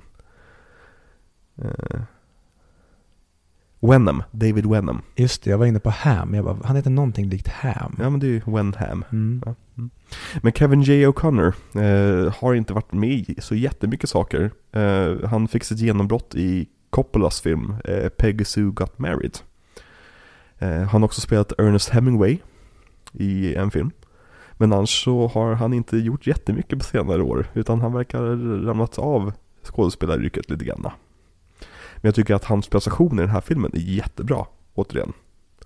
Mm. Jag tycker alla är jättebra, men han precis som ta Kieran Hines, de, de är ganska intetsägande men fortfarande exakt den amounten av närvaro de behöver vara för att spela sin roll. De ger perfekt utrymme till, ja då bara eh, Daniel Plainview, Mm. men även de som är i samma rum som Eli och Paul Dano tycker jag ger precis det spelrummet. De nästan tiar upp för dem hela tiden. De är bara där för att, titta inte på mig, titta på Precis. honom. Till exempel han skådespelaren som spelar Bandy till exempel. Mm. Är helt fantastisk också. Men han gör, Superkarismatiskt ansikte. ja, och han gör typ ingenting ändå Nej. i filmen. Men uh, Kieran Hines. Så jävla Har kul. vi sett honom i något annat? Vi har sett honom i allt insåg jag. Han, jag. När jag läste på om honom så kände jag att fan vad han är en av mina favoritskådespelare. Kanske inte nödvändigtvis för just prestationen han gör. Men hans presence i filmer gör alltid mig väldigt, väldigt trygg. Och väldigt, väldigt så här. Åh, där har vi den där stabila jäveln som bara står och liksom levererar här. Mm, jag är med dig på alla punkter utom att jag tycker att han är väldigt felkastad eller så är han felspelad i Game of Thrones. Ja, i Game of Thrones så tycker jag inte de borde ha valt någon annan skådespelare, jag håller med dig där. Mm, någon som kanske är lite mer lik han eh, rödskägget Ja, precis. och grisigare. Exakt, lite mer av en wildling person. Men Mm. å andra sidan så ska ju han också ha kommit från South of, South of the Wall. Mm. Och liksom blivit the king of the wildlings. Och jag kan verkligen se honom som en Night's Watchman. Mm, mycket, mycket mer. Och det är ju det han ska vara egentligen. Så det finns ju någon, men jag tycker inte de, den karaktären för övrigt är lite av en bortglömd karaktär i Game of Thrones tv-serien. Mm. I boken är han ju mycket, mycket viktigare. Och han överlever också bra mycket längre. Ja, okej. Eh, han är till exempel den som räddar Sansa från Boltons. Mhm. Till exempel. Ja, nej det, jag, hade de skitat ner honom mer, Mm. då hade jag, men han ser så, han ser för polerad ut. Mm. Det ser för mycket kostymigt ut när han är med, i, mitt, i mitt minne. Ja, jo, men jag håller med. Han har, han har lite för modernt ansikte. Det känns som att han har sett en smartphone. Även fast han funkar väldigt bra i den här filmen och andra period pieces. Så i just Game of Thrones så känns han verkligen som en modern skådis som kommer in. Mm. Ja, det är jag med på, absolut, i Game of Thrones. Men Kieran Hines i alla fall, han är då en irländsk skådis. Och han brukar an- antingen spela liksom skurkroller eller liksom äldre stöttande fadersfigurer. Som vi till exempel fick se i Belfast förra Mm. året. Eh, som han också blev nominerad då för en, en bästa manliga biroll. Vilket jag tycker mm, han förtjänar kanske inte riktigt, men det var en stabil roll i en stabil film. Så, Vem vann? bästa manliga biroll? Jag tänkte säga Will Smith, men det var det inte. Nej, det är den, jag, jag minns typ inte vilka som vann och då såg vi ändå galan. Jo, du minns exakt vem som vann biroll. Vem? Åh, okej. Då går vi vidare. Ja. Eh, Men han är då mest känd från till exempel Munich och In Bruges. Han är med i Harry Potter 8. Han är med i Game of Thrones. Han spelar ju den ultimata Justice League-skurken Steppenwolf i Justice? League. Ja. Jaha. Eh, men där jag, kom, eh, där, där jag liksom känner honom från sen barnsben, det är Tomb Raider 2. När han spelar skurken. Och även Phantom of the Opera. Eh, Men han är också eh, Trollkungen i Frozen-filmerna. Eh, Han är med i Trinketalia Soldier Spy. Han har varit med i typ alla filmer man någonsin kan tänka sig. Hmm. Jag hade nog aldrig kunnat ta en enda. Det, jag, jag typ såhär, ja men han är väl med i Hobbit typ. Mm. Och så är det Det inte han inte. Nej. Det är han inte med. Mm. Eh, Man har också spelat Caesar i Rome-serien. Som för, den ska vara jävligt bra har jag hört. Mm. Såg lite för tråkig ut för min smak. Ja, jag kände också, men det känns som så serie jag någon gång, kanske i framtiden, kommer ta mig åt. Det är ju Mm. HBO när de började verkligen göra liksom stora historiska draman. Man kan säga att eh, Rome, om inte Rome hade kommit så hade inte Game of Thrones kommit. Mm. Eh, Men han är också väldigt känd för att han fortsätter med eh, teaterproduktioner, trots sin stora framgång inom film. Och han är med i liksom små produktioner och stora produktioner. Han, han, verkar, han verkar älska att skådespela, vilket gör mig så liksom glad i hjärtat när man ser det som någon, någon som brinner för det här yrket. Mm. För det är någonting jag också tycker, framförallt i den här, det känns som att det skiner igenom på alla i hela filmen att gud vad de älskar det här. De, det här är deras drömscenario. Det är en Ja. stor jävla yta där de har byggt upp ett sätt så att de behöver inte ens ha men, kulisser utan det här är en riktig miljö. Så de behöver knappt skådespel och det får dem att bara multiplicera sin prestation. Mm. Men verkligen. Jag tycker just Kieran Hines i den här filmen är så jävla stabil. Mm. Han gör typ ingenting alls. Utan han är bara där som en, typ en del av kulissen nästan. Mm. Men det han gör är det att man känner att han är otroligt kompetent. Och det här är en av de få personerna som Daniel Plainview litar på. Och sen försvinner han myst mystiskt från filmen när sista tidshoppet kommer. Och man, och man förstår att, ja, och Daniel Plainview stötte honom ifrån sig som alla andra. Mm, för han drar ju kommentaren när han tar med sig Henry på någon resa de ska. Då säger han, tar du med dig Henry? Och sen klipper han vidare. Så han Mm. har en kommentar om att han tycker att det är konstigt att varför tar du med dig honom Mm, av dina rådgivare? Varför tar du inte med dig mig eller någon annan? exakt. Och hela Henry-grejen tycker jag är en otroligt intressant del av filmen. Just det här att Daniel Plainview, det, det, det var hans sista hopp för någon slags mänsklighet. Mm. Och sen så även där blev han besviken. Ja, och så jävla bortgjord. Mm. Att det blir, han, han stöter bort HW som nu är skadad gods Mm. för sin bror, då som man tror är, och där släpper han in en människa. Mm. Så här, okej, men den här snubben, det är min brorsa, han, han kan jag använda och så kan jag både få ut då family business-grejen, men jag kan även kanske få en confidant som är mitt eget blod. Precis. Och så visar jag att den här snubben är en superbedragare. Ja, Och då bara drar någon undan hela mattan och då bara full-blown darkness. precis. Och då har verkligen, om man ska dra det som den kristna metaforen, då har verkligen Satan tagit över honom där. Ja. Hoppsan, sitter du och fjärtar? Eh, det var karbobanden. Ah, skyll på dem det. Och kolla bara den här shotten. Den som var innan, när det är eh, moln och solen ligger på från himlen. Jag tänkte på det också, det är så sällan man ser månrörelser över solljus i filmer. För att det brukar oftast tas som liksom att nej men det, det är en artefakt som inte vi vill ha med. Vi vill antingen ha liksom studioljuset på eller full solljus. Men det gör så att vi känner oss mer, liksom, att det är en verklig värld vi lever i. Ja, och, och jobba med den här ytan mitt ute på fält. Shit, de måste ha haft så jävla mycket flaggor och alltså stora bara segel för att dölja och täcka vissa grejer. Det är mycket digitalt arbete också för att få bort saker i bakgrunden som inte ska vara där. Typ Ja, det är tel- så. telefonpoles och sånt där. Lite David Fincher eh, CGI. Den otroligt omärkliga biten av CGI, Mm. som jag älskar. The best. Ja. Och jag tycker även man kan se många likheter med den här filmen och Social Network. Att det här är en person som skapar någonting och det slutar med att han alienerar hela världen. Verkligen. Nej men det är, mm, de har ju väldigt mycket liknande tematik i Mm. det här, som att greed corrupts. Och vad är du beredd att göra för din egen framgångs skull? Och vilka människor kommer du behöva köra över? Vilka kommer du behöva sticka i ryggen för att komma till din framgång?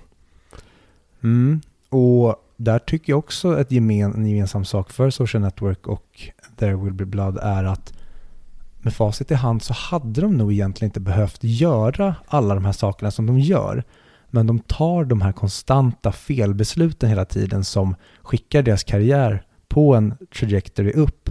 Men deras själ bara skalas av mer och mer. De skapar horokruxer hela tiden som Mm. de aldrig hade behövt skapa. Precis. Nej men det är, de, de offrar verkligen sin mänsklighet för sin framgång. Mm. Vilket är väl egentligen eh, den stora historien om den amerikanska kapitalismen i slutändan. Ja, och det har ju Paul Thomas Anderson pratat om i många intervjuer, just den här kampen och därför älskar jag att den utspelar sig just när den gör, för det är verkligen den perfekta tiden. För att där började USA, även fast USA fortfarande är ett väldigt religiöst land, men här ser man framförallt väst i en tid där vi började gå mot det här vetenskapliga och det rationella och slängde ut själen genom fönstret. Ja, Och vad, vad gör det med oss? Ja, vi fick jättemycket bra saker, men vad, hur mår vår sj- själ idag? mhm. Och Daniel Plainview är väl ett praktexempel på hur många människors själ mår. precis exakt. Nej jag tycker det är så svårt, det, det är lite svårt att prata om den här filmen just för att alla scener är så jävla Elektriska. Ja, ja, men det är så, bara, bara den scenen som vi har på på skärmen just nu är när han fuckar över Eli angående the blessing of the well. Mm. Som Eli sen har som argument mot honom genom resten av filmen. Att alla de här sakerna, som dåliga sakerna som händer är för att du inte lät mig välsigna din, din, eh, din oljeproduktion här. Och det är ju här hela kriget mellan de två börjar. Som, eh, ja vad ska jag säga, de viktigaste bitarna av det är väl när han kommer och malligt ska kräva pengar av honom. Och Daniel Plainview bara börjar med att släpa till honom, släpa till honom några gånger till och sen bara trycker ner honom i leran. Men sen får ju Eli sin eh, hämnd på honom när Daniel Plainview måste döpas eh, för att få eh, bygga sin pipeline på The Bandit Tract. Som förut, pipelines, vad fan är det för något? Alltså jag förstår vad du menar, vad det är för något, men vem fan kom på den idén? Att istället för att vi liksom att vi eh, lägger i oljan i liksom lådor eller eh, barrels och skickar iväg så ja, men jag bygger ett långt jävla rör här alltså. Jag tror det är smidigast. Jag bygger ett långt rör. Faktiskt. Ja, Alltså det- med, med modern produktion så, så är det ju rätt, rätt logiskt. Men på den tiden så här, men vänta, menar du att vi ska alltså bygga det här röret 10 meter i taget i 100 miles? Ja, det är mindblowing så många saker som uppfinns. Där man undrar, var kom det här ägget ifrån? Ja, nej, Var i men, helvete ploppade den här idén upp och sen att den då inte bara går från att nej men det kan man ju inte göra till att vi gör det. mm. Nej men precis, alltså den här tiden, just 1800-talet till typ 1920 är den mest intressanta tiden i världshistorien tycker jag. För att där bestämde man sig någonstans att ja men vi har nog teknologin för att göra vad fan vi vill. Vi testar lite saker. Vi, vi ser vart vi hamnar någonstans. Och bara, bara den saken att när de ska mäta upp vart pipelinen ska gå, så måste de gå hela vägen och markera upp, upp med stavar. Idag så hade du bara så här, ja men satellit, satellitbilder, jag drar lite linjer, färdig på 10 minuter. Mm. Där kommer den gå. Men på den tiden var man verkligen tvungen att kolla, ja kommer den kunna gå här? Och det är verkligen, det är nästan så att jag vill jobba med lantmäteri efter att ha sett de sekvenserna. För det verkar så jävla mysigt att bara gå runt och mäta land. Mm, jag får verkligen en romantisk känsla till hela, egentligen allting som är pre våran tid när allting skulle göras mer manuellt. Mm. För idag görs allting, allt är automatiserat. Och jag kan verkligen romantisera och vara lite avundsjuk på den tiden, bara ta våra mor och farföräldrar. Mm. Att de kunde inte kontakta varandra bara sådär. Nej. Det var omständigt att få tag på varandra. Och det, var, det krävdes mycket mer tillit att, men ses vi på den tiden vid, vid den tiden? Mm. Eller på den platsen vid den tiden? Då ses vi på den platsen vid den tiden. Och så Mm. fick man bara lita på varandra. Exakt. Idag finns det hur många sätt som helst att säkerställa eller till och med avboka i sista sekund. För man Mm. vet att alla är bara ett knapptryck bort. Mm, nej men verkligen. Och det är två specifika scener som jag tänker på jämfört med så här, dagens samhälle och så vidare. Det är det Daniel Plainview, han kunde ha dött nere i gruvan. Mm. Han, han var ju som en centimeter från att dö där nere. Men i dagens samhälle hade man kunnat ta upp mobiltelefonen och ringa 112. Men på den tiden betydde ett brutet ben ner i en gruva, det är en dödsdom. Mm. Och jag...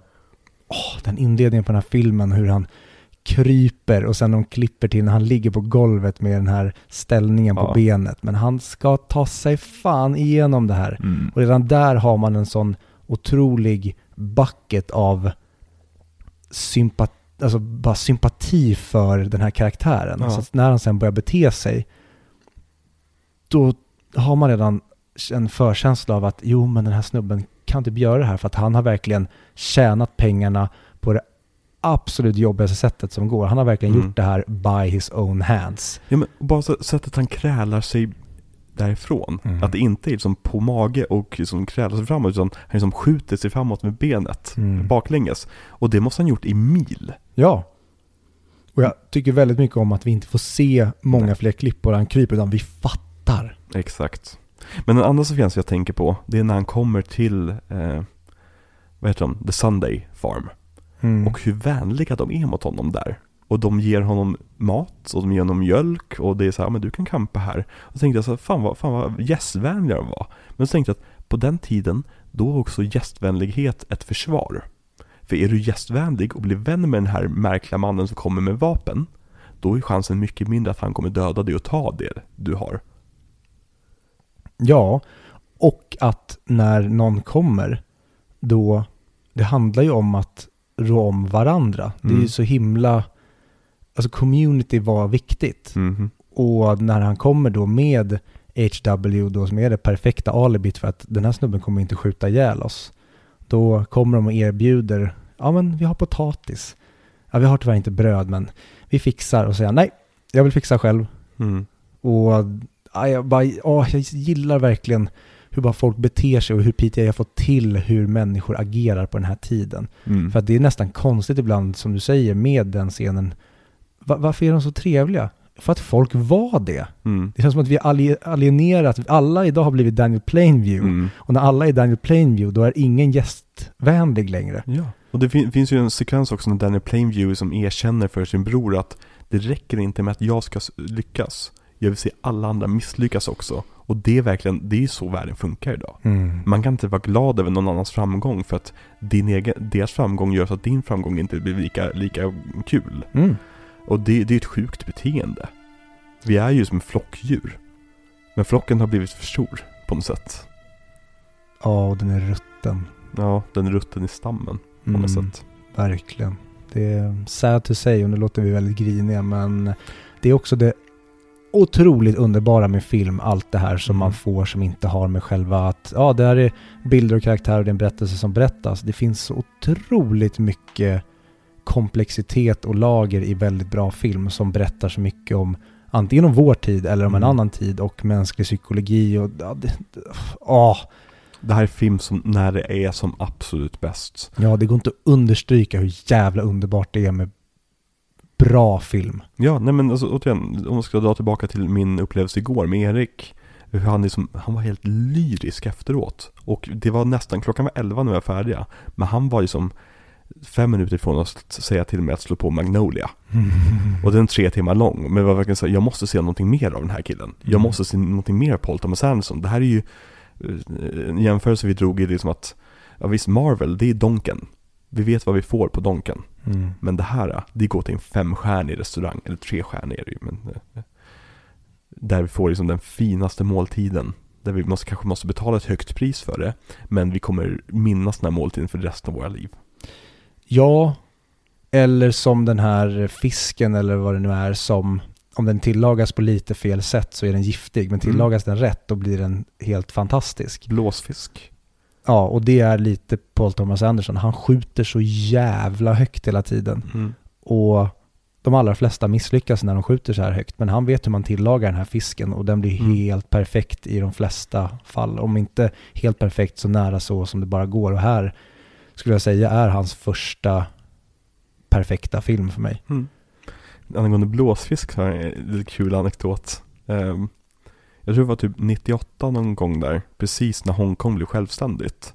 Så åkte pappa ner till Hongkong och eh, jobbade där. Och jag minns att för någon anledning hade jag fått dille på just att blåsfiske, blåsfisk var eh, eh giftigt. Och jag visste att man åt det i Kina och i Hongkong.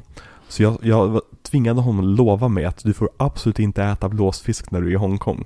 När jag var typ sju bast. Ehm, Ja, jag vet inte vad jag skulle med den, men ja, jag kommer att tänka på det nu.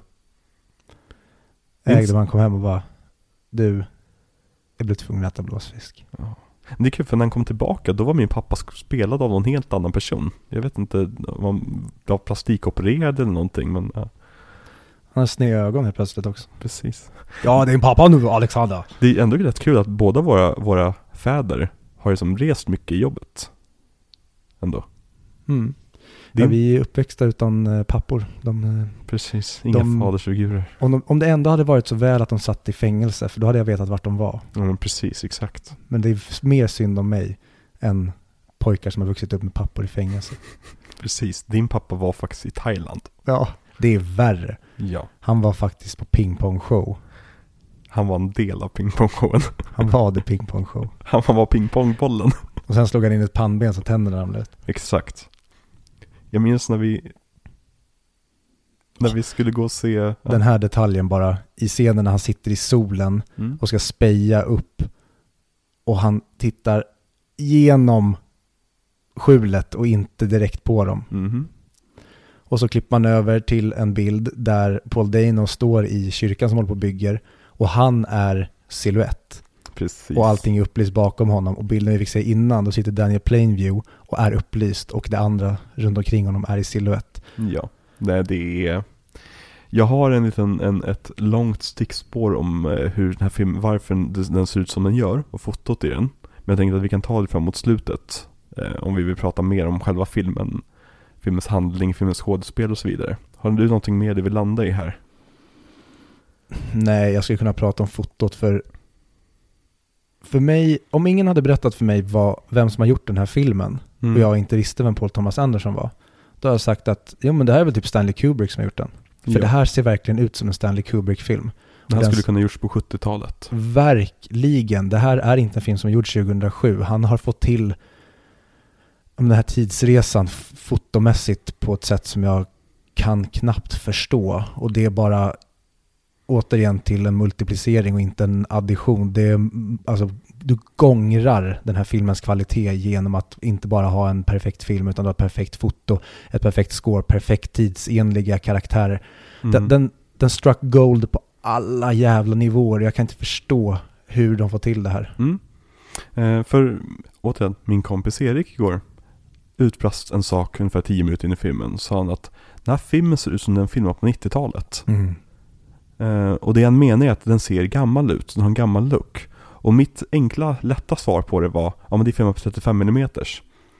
Men jag kände inte att det svaret räckte. Så jag eh, grävde ner mig i ett kaninhål angående den här saken. Och varför ser filmen ut som den gör?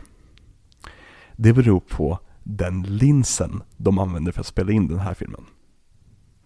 Okej, och nu kanske folk kommer kunna zoom, zona ut eller så sitter ni och lyssnar på här när ni somnar eller vad som helst.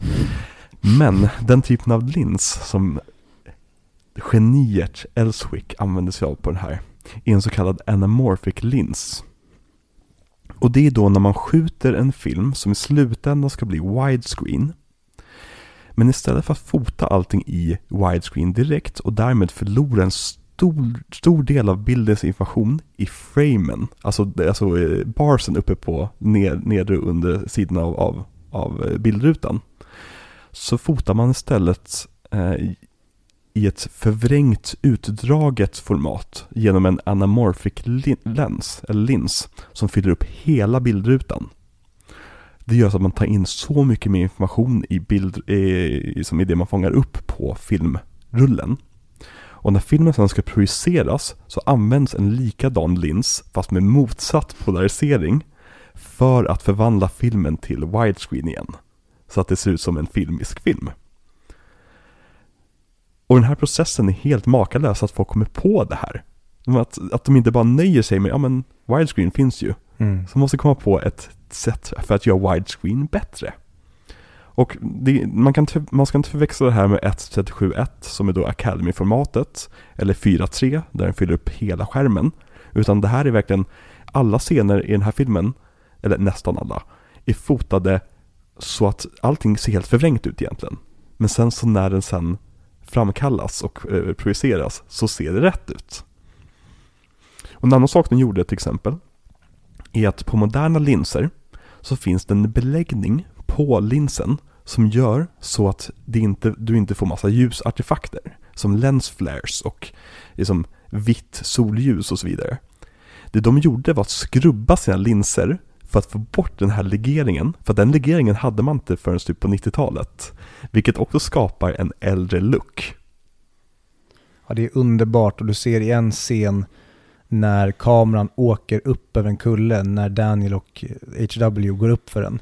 Då ser du som, det är som en vit triangel nere i höger hörn. Det ser nästan ut som att du, när du ska öppna typ ett ostpaket eller någonting Mm. och du har en flärp som du kan dra i. Det är nästan som att bilden ser ut som att dra här nere i hörnet för att vriva upp sidan. Mm. Och det är bara en lens flare som ligger där i hörnet. Och en, ja men i, ett, i en annan kontext där man vill ha en clean bild, då tar Mm. man bort det här och tar om fotot. Och som du säger, de har framkallat som ett filter för att få bort det här. Mhm. För att de vill inte bli störda av det här, för man vill ha mer kontroll på den bilden man har. Men det är precis det som är det magiska tycker jag med framförallt, ta då 90-talsfoto som Mm. är den epoken jag gillar mest. Det är när du får till det här. Det känns ibland som att väldigt mycket är accidental. Mm. Att ni bara har råkade snubbla in i det här som blev mycket snyggare än om ni hade haft kontroll. Ja, för det finns alltid en skillnad mellan filmisk verklighet och riktig verklighet. Mm. Och det har vi gått in på tidigare så jag tänker inte gå djupare på det. Men effekten av hela anamorphic-länsen är då att det blir widescreen men med mycket, mycket mer information än vanlig standard widescreen som nästan trycker ihop informationen på skärmen. Mm.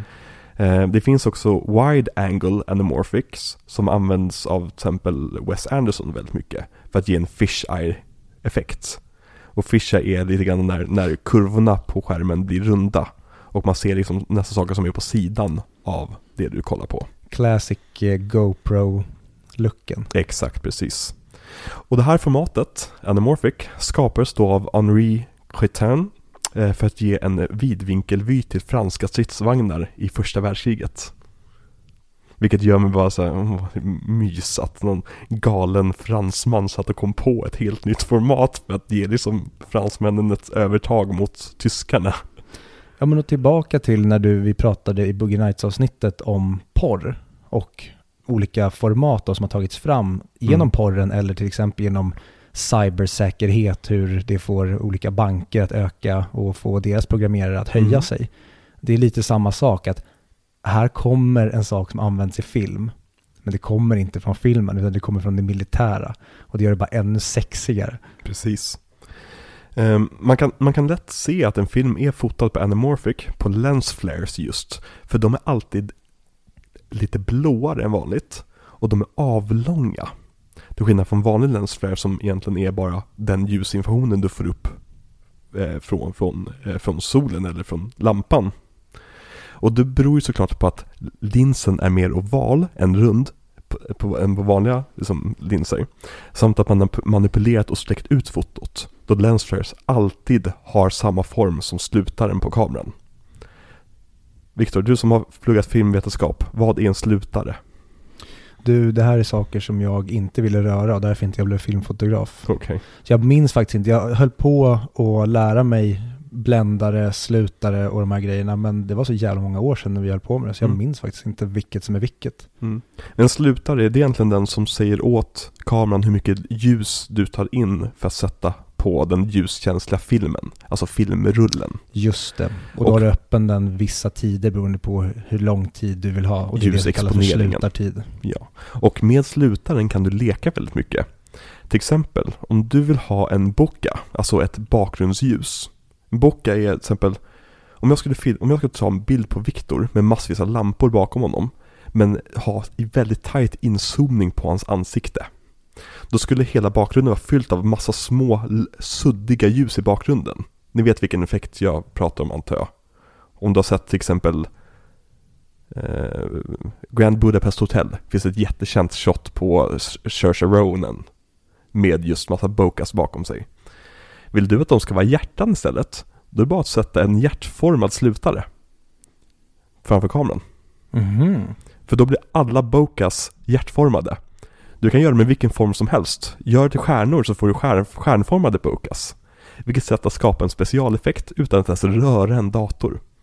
Fan coolt. Det är ashäftigt. Jag har börjat bli väldigt intresserad av just foto. På den, inte för att jag vill fotografera men liksom analysera fotot i film på det sättet. Om man, om man kollar på äldre filmer från typ 70-talet och 80-talet så har ni säkert sett orden CinemaScope och Filmed in Panavision som dyker upp i början på var och varannan film. Och det är då äldre versioner av just det här äh, anamorphic-linsen. Ehm, och det är också olika kameraföretags specifika linstyper av den här sorten. Cinemascope brukade man sällan ha när man fotade närbilder. För att de här ansiktena på, i, i närbilderna blev helt förvrängda på grund av processen. Att man först liksom filmade allting förvrängt och sen så förvrängde det igen. Det gjorde så att alla delar av, av, av bild, bildrutan är inte förvrängt på samma sätt. Så om du tar ett när, en närbild på ett ansikte så ser det ut som att de har jättestora kinder oftast. Att man ser som kinderna tryckas upp så här. Eh, och det var man tvungen att manipulera sen i efterhand. Eh, men till slut slutar man att fotografera närbilder på ansikten i CinemaScope. Eh, Specifikt CinemaScope hade problem med det här, den, deras version av tekniken. Men då kan man fråga sig då, varför använder man inte bara en mer avlång filmrulle? Om man nu ville ha mer information. Liksom. Mm. För att det är helt enkelt inte ekonomiskt försvarsbart att bygga om alla kameror man äger och bara liksom, när du har ett helt lager fyllt av filmrullar att använda dig av, att bara säga nej vi ska ha fler filmrullar. Det är mycket lättare att bara sätta på en ny lens på kameran och bara se till att du gör det ordentligt. Mm. Men i och med att den här processen är väldigt känd från så här 50, 60, 70-talsfilmer så skapar det alltid en lite av en retroeffekt. Och i och med att det är filmat på 35 mm också så får du den här extra distansen till filmen som gör så att det känns som en drömvärld mer. Mm. Och det är det vi kallar film. Exakt. Cinema, eller kino som folk på Reddit skulle säga. Men en annan väldigt viktig aspekt av den här filmen kan vi se bevis på i scenen vi precis såg. Där oljepumpen börjar brinna. Mm. För ljussättningen är otroligt innovativ i den här filmen. Det är ett perfekt exempel på en slags innovativ galenskap. För det var först tänkt att den här sekvensen när, när oljepumpen brinner upp, att den skulle filmas över tre nätter. Men filmteamet upptäckte rätt snabbt att eftersom temperaturen var så het och klimatet så torrt så kunde de inte riktigt släcka elden mellan tagningarna. Utan de var tvungna att låta pumpen brinna ner till grunden. Det gjorde så att de bara fick en natt att filma allting på. Men en natt är inte särskilt lång. Och dessutom så har du olika ljus under delar av natten. Så de var hela tiden tvungna att ta innovativa tagningar och innovativa liksom blockings.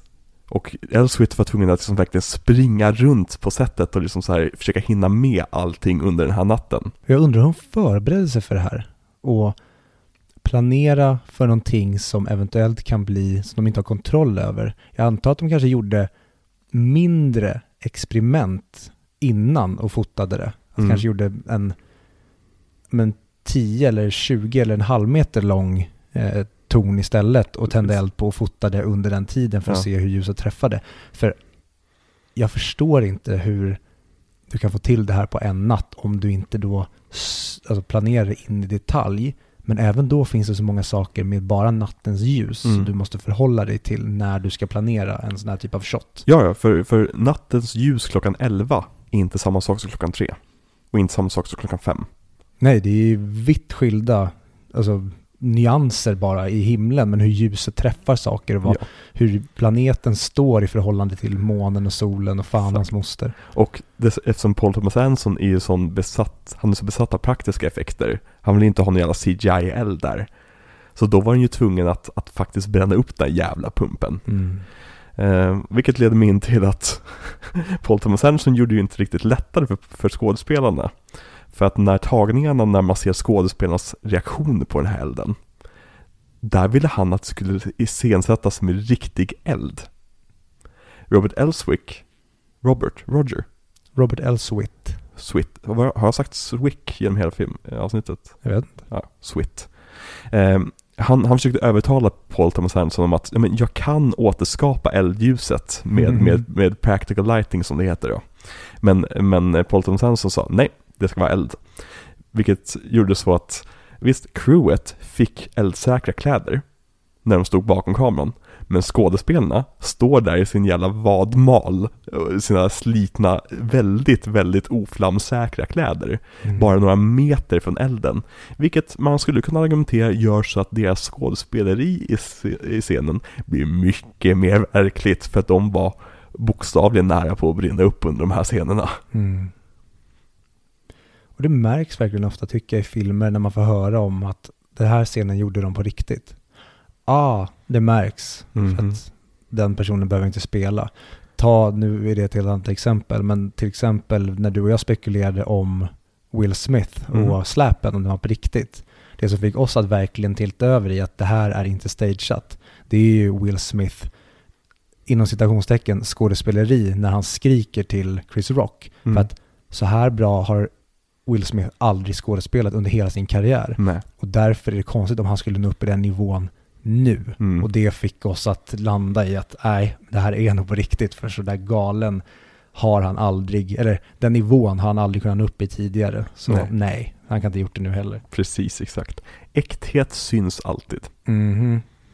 Eh, Men Elswit fick i alla fall visa vad han gick för med ljussättningen ändå, lite senare i inspelningen. Under till exempel inspelningen av, all- av alla Campfire-scener. För då fick han använda sig av så kallade hemgjorda flicker boxes.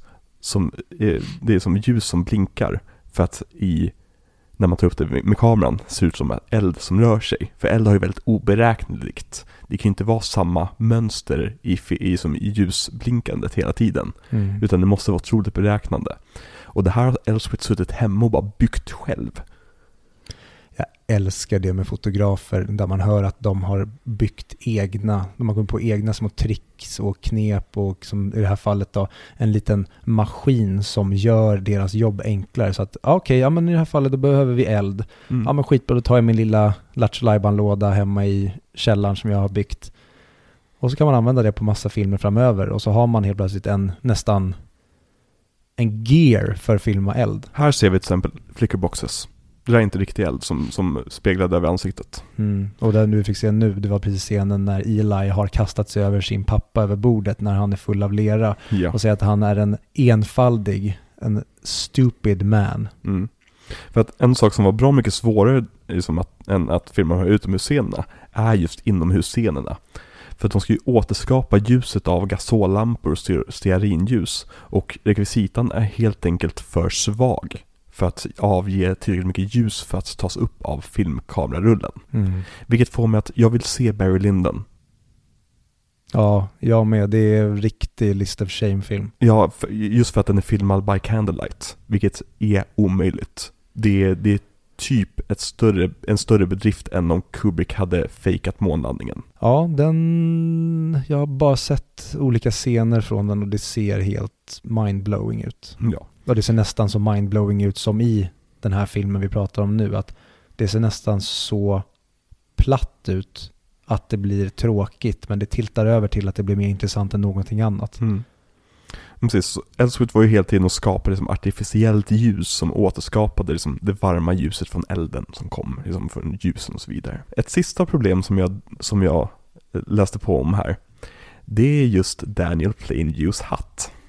Och tänker, vad, vadå? Vad är det för problem? Jo, för vad har en hatt för funktion? Den ska skugga ditt ansikte. Mm. När du spelar in en film vill du inte ha någonting som skuggar din huvudrolls ansikte. Och i början så experimenterade de lite grann med att ha liksom riktade ljuslampor upp på Pla- Playmunes ansikte. Men det såg för fake ut.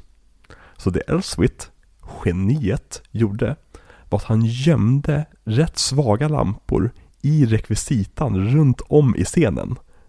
Som man inte såg, men, men som hela tiden lös upp ansiktet underifrån så att man såg ansiktet. Att tänka sig det här sättet, i alla, tänk, tänk dig som koppet som står framför Daniel Plainview. Den har en lampa i sig som lyser upp på honom. Bordet framför honom har en liten lamprad som lyser upp honom. Och bara alltså, hur, jag kan inte fatta hur man tänker ut de här sakerna. Och hur mycket erfarenhet som ligger bakom det här arbetet. Det här är ju som decennier av planering för det här ultimata, ultimata projektet. Mm. Ja, filmfotografer är... Dels för att jag själv är så jävla oteknisk och men även när jag då har själv testat på att försöka fota scener. Mm.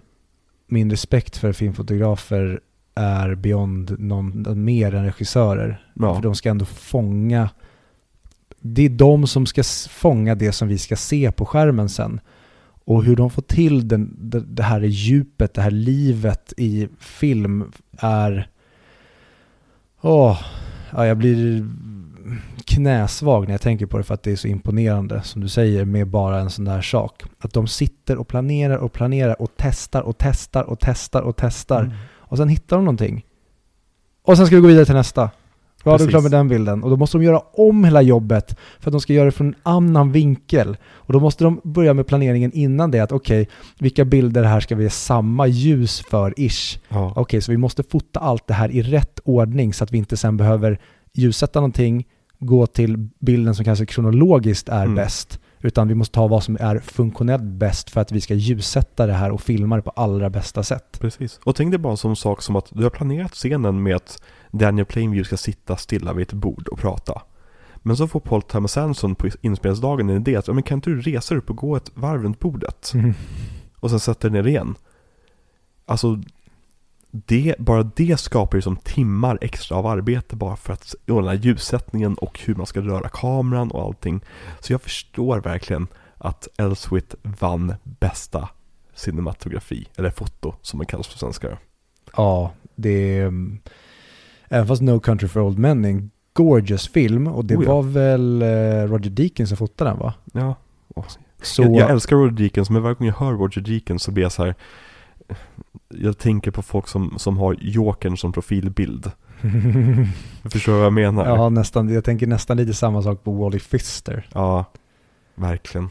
Ja, nej men det var min utläggning om fotot. Mm. Jag hoppas att ni som lyssnar inte, inte somnade av det där, men jag tycker det var väldigt intressant att läsa på om där. Jag tycker det är väldigt intressant just för att jag är väldigt okunnig när det Mm. kommer till hur foto funkar. För jag har blivit så jävla avskräckt efter jag själv gav mig på att försöka fota en kortfilm när jag pluggade. Mhm. Det var ett av mina största misslyckanden i livet och det var någonting som verkligen gav mig PTSD. Att det där är inte min grej. Dels för att jag inte har intresset men oh my god vilken respekt jag har för de här människorna som behärskar det fotografiska konstverket. Ja, och det är så lätt också, som vi har sagt väldigt många, många filmer tidigare, så här, varför är den här filmen så snygg? 35 mm. Så här, jo, men sen har vi underkategorierna också så att säga. Och det finns så mycket mer att veta här. Och om ni tycker sånt här, att det här var intressant så skriv gärna in till podden om ni vill att jag ska gå djupare på sånt här i framtida filmer också. Eh, kanske prata lite grann om varför Marvel-filmerna ser ut som de gör, till exempel. Men en sak jag vill prata om också om den här filmen är I drink your milkshake. I drink your milkshake.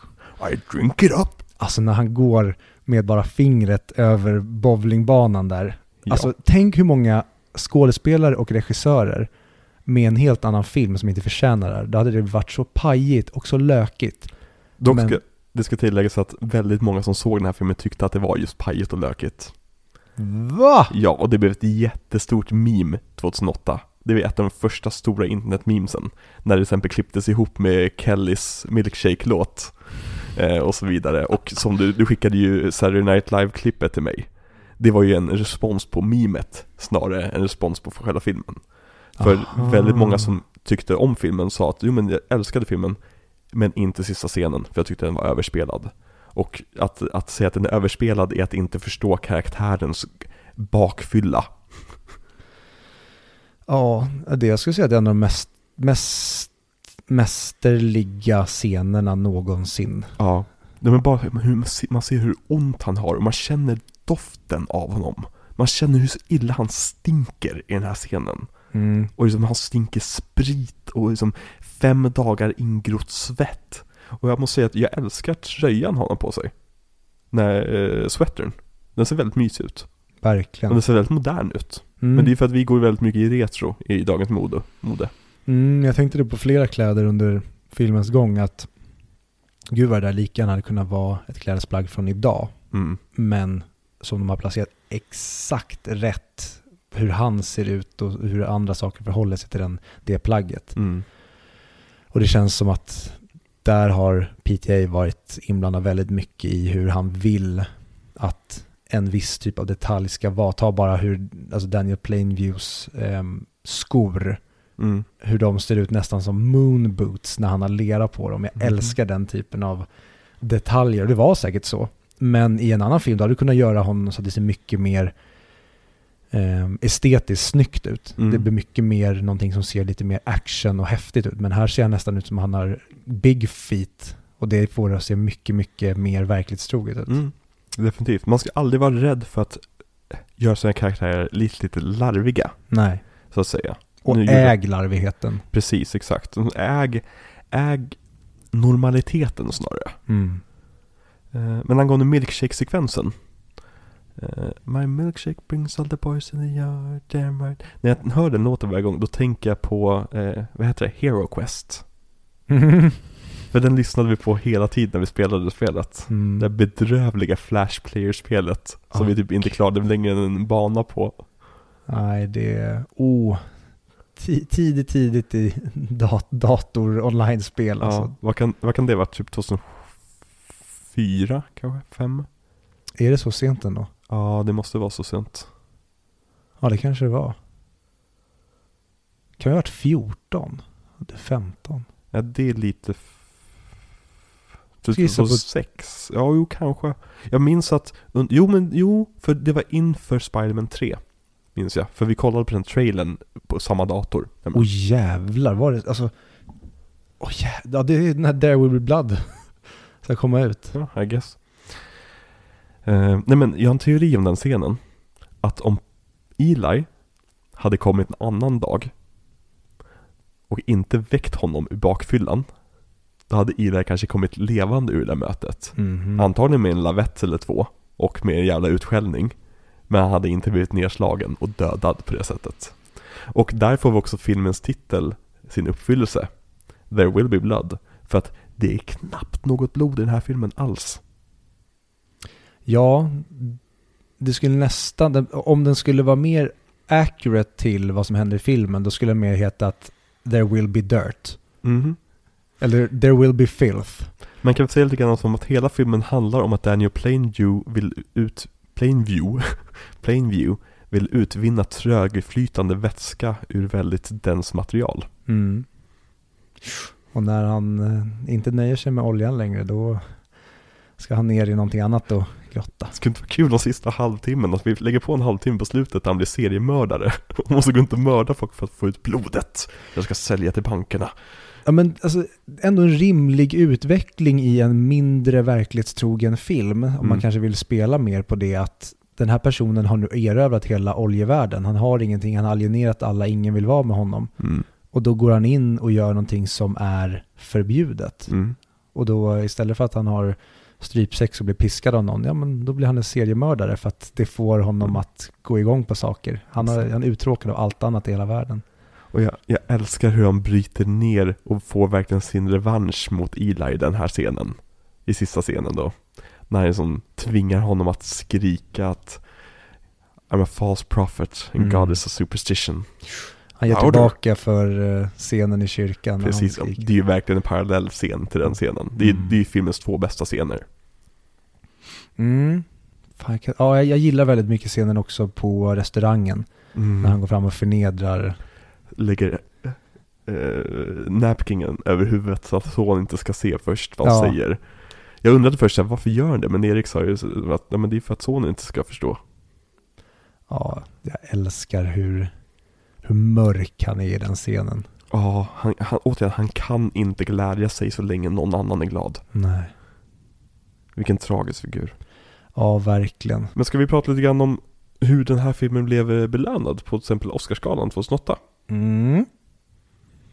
För att den var ju nominerad både för Best Picture, Best Director, Best Actor, Best Adapted Screenplay, Best Art Direction, Best Cinematography, Best Film Editing och Best Sound Editing. Och när jag kollat igenom de här kategorierna så känner jag att fan vilket tätt fält. Men jag tycker att den borde ha vunnit allihopa. Mm. Men i slutändan vann den bara Best Actor för Daniel Day-Lewis och bästa foto då för Robert Elswit. Fortfarande helt mindblowing att PTA inte har en Oscar för bästa regi. Men det kanske gör honom hungrig att göra bättre och fler filmer. Jag hoppas det. Mm. För att han förlorade ju bästa film och bästa regissör till Joel och Ethan Coens film No Country for Old Men. Fuck off. Vilket jag, jag, jag är helt okej med den vinsten i slutändan. Det är inte så egregious för det är en jävla bra film. Men eh, den här filmen är bättre. Ja, jag tycker att den är en 4 av 5. Och det här tycker jag är en klockren 10 av 10 film. Jag har inte sett om den på så många år så jag vågar inte riktigt uttala mig. Men jag minns att jag blev helt knockad av den med. Eh, Hej allihopa, det här är Alex från klipprummet. Eh, jag kommer snart i det vanliga avsnittet berätta en liten anekdot om Joel och Ethan Coen. Och som vanligt när jag ska dra saker ur minnet så eh, eh, jag säger fel namn helt enkelt. Det är alltså inte Ethan Coen som är författaren till Garfield-filmen utan det är Joel Coen.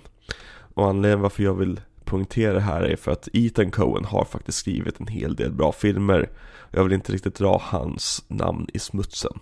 Utan den person jag kommer prata om när jag säger Ethan Coen är egentligen en helt orelaterad person som heter Joel Coen. Eh, tillbaka till avsnittet. Men en kul anekdot med Joel och Ethan Coen, så jag tror, jag kan eventuellt ha dragit i podden tidigare. Det är det att eh, när Bill Murray signade upp för att vara med i Garfield-filmen så fick han manuset hemskickat till sig och såg att vänta, ja men det står här Ethan Coen. Jaha, ska Coen-bröderna göra den här? Men fan, jag signar upp en gång, jag behöver inte ens läsa det här manuset. Och så insåg han att, ah, nej, det var inte Ethan Coen. Det var Ethan Coen, som är en rätt bedrövlig manusförfattare som inte har någonting med Coen-bröderna att göra. Men nu har du signat ditt kontrakt och nu är du med i Garfield-filmen. Jag samtidigt hatar och älskar Bill Murray för det där. Ja, Bill Murray har ju som bekant ingen agent som kan berätta för honom hur det ligger till, utan han har bokstavligen en telefonsvarare som han lyssnar av ibland. Och det är, alltså, det är både positivt och negativt, för det gör ju så att han ibland får väldigt intressanta roller, som till exempel Saint Vincent. Men det gör ju också så att han är med i Garfield-filmerna. Men ett tips, om du är en ung, ung eh, filmskapare som ska göra din första film och du har en intressant eh, logline, ring, ring Bill Murray. Det finns en chans att du kommer få med honom. Du har mer chans att få med honom än vad du har att få med eh, någon annan egentligen. Mm. Och nu Ja. tittar vi här på tvn på scenen när eh, de ska försöka köpa Daniel Plainviews mark helt enkelt. Och han säger att då kan han fokusera mer på sin familj. Och det skulle, han, det skulle han inte ha gjort. Och jag älskar vad Daniel läser in i det han säger. För det är verkligen inte det han säger som han sen tolkar att han säger. Nej. Och hur allting bara... Här är verkligen den punkten skulle jag säga där han... Ja men... Nästan... Ah, Okej, det är väl flera scener också, men en av de absolut viktigaste scenerna. Ja, men vi kan ju kanske prata om den scenen, just när han blir döpt. Mm. För jag tänkte, när jag tänker på den scenen, då tänker jag att det som sker i den, det är att han bara spelar med och accepterar att bli förnedrad och sen ska han hämnas på Eli när tillfälle ges. Mhm. Men nu när jag såg den, då tyckte jag verkligen att det känns som att han verkligen accepterar det där och säg, menar det han So säger. Say it now. I am a sinner. I'm a sinner. Say it louder. I am a sinner. I am a sinner. louder, Daniel. I am a sinner. I am a sinner. I am sorry, Lord. I am sorry, Lord. I want the blood. I want the blood. You have abandoned your child. I've abandoned my child. I will never backslide. I will never backslide. I was lost, but now I am found. I was lost, but now I'm found. I have abandoned my child. Say it. Say it. I've abandoned my child. Say it louder. Say it louder. I've abandoned my child. I've abandoned my child. I've abandoned my boy. Beg for the blood. Give me the blood, Eli. Let me get out of here. Give me the blood, Lord, and let me get away. Do you accept Jesus Christ as your Lord and Savior? Yes, I do. Get out of here, devil! Out, devil! Out, sin! Och där kommer en potentiell vändpunkt i hans liv. Att här kan jag försona sen med HW. Men när HW sen kommer så får de inte den liksom, försoningen med varandra. Nej. Och då blir det nästan som att fan, jag är villig typ att satsa på familjen och verkligen göra det här bra med dig nu. Och jag ångrar verkligen hur jag har betett mig mot dig. Men HW känns för sviken där och då, att han inte respondar på den nya Daniel Plainview. Och då faller han tillbaka in i dubbelmörker sen. Definitivt. Men jag skulle säga att den scenen börjar med att han är där för att lura dem. Och sen inser att, oh fuck, jag kommer bli förnedrad. Ja, jag, får helt enkelt äta upp det. Första gången han skriker I abandon my boy så känner han det inte. Andra gången känner han inte. Tredje gången så är det, oh fuck, det är på riktigt. Nu känner jag känslor här. Nu känner jag varför man ser det på honom. Liksom att det är inte längre, han har inte längre aggression i ögonen mot Pa- Paul, eller mot Eli. Utan han är som, man ser hur han skriker ut bara i luften till slut. I abandoned my boy. Ja, när deras relation är så otroligt fascinerande. Just HWs och, vi, hade, vi pratade om det i början av avsnittet, men just det här att är han bara ett, ett verktyg för Daniel? Eller är han verkligen en, en är han blod för honom? Mm. Och jag skulle verkligen vilja säga att han är blod för Mm. honom. Och slutscenen med de två. Det är samtidigt, det är Daniels sätt att uttrycka kärlek och nästan göra en Mm. inception och säga att jag önskar att du inte hade försökt härma mig, jag önskar att du skulle vara din egen man. Mm. Han säger att jag kommer dra till Mexiko och göra min grej. Men han kan inte uttrycka det samtidigt som han tycker att han överger honom. Mm. Så det blir på något sätt en snäll gest som tyvärr behöver krossa deras relation. Han Ja. måste klippa bandet till honom för att låta honom bli fri från sin egen förbannelse. Ja, ja. Men bara ta en sån sak som det han skriker efter sonen. Mm. Bastard in a basket. Och så här, för vem skriker han det egentligen? För sonen är döv. Mhm. Han skriker till sig själv. Ja. För att övertala sig själv om att det är det här han måste göra. Vilket är en liten detalj som man kanske inte märker första gången man ser filmen.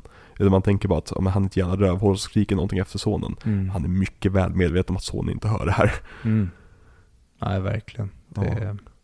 Det är en jävla intressant karaktär. Jag älskar när karaktärer inte bara får vara snälla eller elaka eller goda eller onda.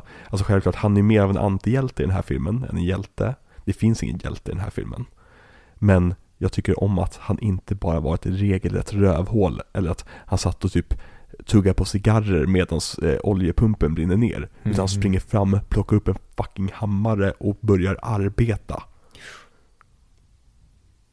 Ja, nej det är en fantastisk karaktär, Daniel Plainview. En av de mest otroliga filmkaraktärerna i filmhistorien. Mm, jag är verkligen med på det tåget. Jag har tidigare tyckt att den här filmen är väldigt, väldigt, väldigt bra. Mm. Men det här var den titeln som fick mig att värdera den som en av de bästa filmerna som någonsin har gjorts. Ja, Med, som du säger, en av de absolut bästa huvudkaraktärerna som någonsin, har skrivits och porträtterats på film. det här är ju Gudfadern. Det här är vår tids Gudfader. Ja, jag är helt med och den är väldigt lik Gudfadern på väldigt många sätt. Fotot, Mm. skådespeleriet, karaktärerna. Det här är, man skulle nästan kunna skriva om den här till en gangstermiljö. Verkligen.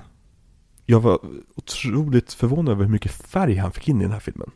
Mm, jag minns den som mycket mer färglös. Ja, för det är en film som utspelar sig på Kalifornias liksom, uttorkade stäpper Mm. mestadels.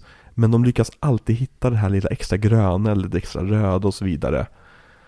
Eh, nej, helt fantastiskt hantverk. Mm. Nu sitter vi bara och runkar av Paul Thomas Anderson. Ja. Vi har en halv miniserie kvar av honom också. Ja men och det, för nu har vi ju nått enligt mig och mitt minne piken. Den halvan som kommer nu är typ mycket mer intressant. För Mm. nu vet jag inte riktigt vad vi ska förvänta oss. Mm. Och att vi just inte har sett de två senaste filmerna gör det ännu mer intressant. Och jag såg Inherent Vice med ett halvt öga och jag minns knappt The Master men att jag tyckte den var väldigt, väldigt bra. Mm, nej precis. Så det ska bli så jäkla kul att se de kommande filmerna. Ja men det ska vara kul att se de filmerna också med ett filmkritiskt öga som vi inte kanske riktigt hade på den tiden också. För att när, vi, när de filmerna kom så var vi mycket mer av här, ah, bra film. Jag kan inte riktigt analysera varför. Mm. Men du och jag har ju växt som filmtittare de senaste liksom, fem åren rätt rejält.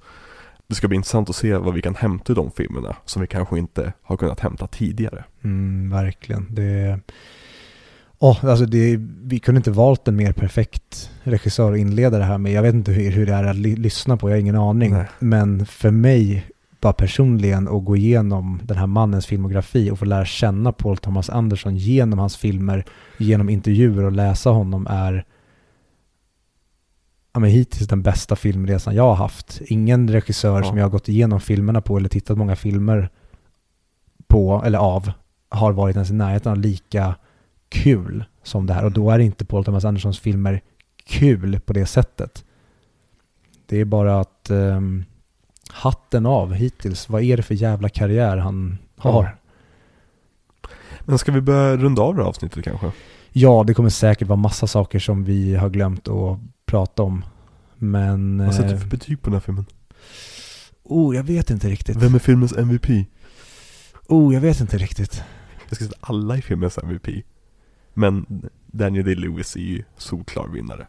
Mm, kanske, och jag har alltid tyckt när folk har pratat om så ja Daniel Day-Lewis, bästa skådespelaren någonsin och There Will Be Blood, den bästa filmerna någonsin och Daniel Plainview, de bästa rollerna någonsin. Bara, ja, ja, var lite bajsnödig du, tyck så Mm. för att det, det ska vara credit, men ja, jag är ju där och, och nosar nu. Det här är... Jag har blivit tillräckligt gubbig för att det här är den filmen. Mhm. Den, den här typen av film som jag bara vill se om, om, om, om igen. Oh ja, alltså återigen, jag såg den här i typ oktober. Och jag kände när jag skulle slå på den nu att fan vad skönt att se den. Mm. Det här är en film jag kommer att se om en gång om året tror jag. Ja, och jag tror till och med att skulle någon säga om några veckor, ska vi se There Will Be Blood? Mm. Så bara, sure, Lätt. why not? Du kan ha, vi behöver inte ha på ljud, det räcker med att jag tittar på bilderna, men jag har gärna på allting som hörs också. Det är, mm, ja, det är snusk, det är perfektion, det är, finns inte tillräckligt många superlativ för att hylla den här filmen. Men jag skulle verkligen kanske mer vilja veta också vad, vad tycker folk som inte tycker om den här? Och då tänker jag att det är att ja, men den är för långsam, det är för lite action, den heter att det ska bli blod, men det är inte så mycket blod. Ja men det är ett löfte om sista scenen ju. Ja, och det tänker folk att nej, om du har mer blod i din titel, då ska vi få se på våld. Mm. Men hela den här filmen är egentligen, ska jag säga, en två timmar och 30 minuter lång nedtryckning av våldet som sen någon gång måste få sippra ut. Och så gör det ibland. Precis. Och så gör det ibland. Ja. Och skador och allt sånt i den här känns på ett sätt som det sällan gör i film. Mhm. Ta bara när H.W. förlorar sin hörsel. Mhm. Hur de ljudlägger det med hans perspektiv när han inte hör någonting och det här när bara kabeln börjar skaka nerifrån marken och de bara oh my god, gas! Precis, nej nej, åh. Det är en sån fantastisk sekvens och hur både Daniel och Fletcher heter han väl? Kieran Hines karaktär. Oj, det minns jag inte. Deras enda reaktion är att springa och rädda HW. Ja. Och, Och- där märker man, de bryr sig inte om oljan de slösar. De bryr sig om livet som ligger på taket. Mm. Och sen vad som följer efter när han då lämnar HW. Mm. Och Där ser vi lite hand... Bokas igen som är avlånga. Ser du på hans, det gnistrar Mm. i förgrunden. Bokas egentligen runda. Yes, ja. Och sen när eh, han lämnar HW, fast han bara vill bli omhållen. Mm.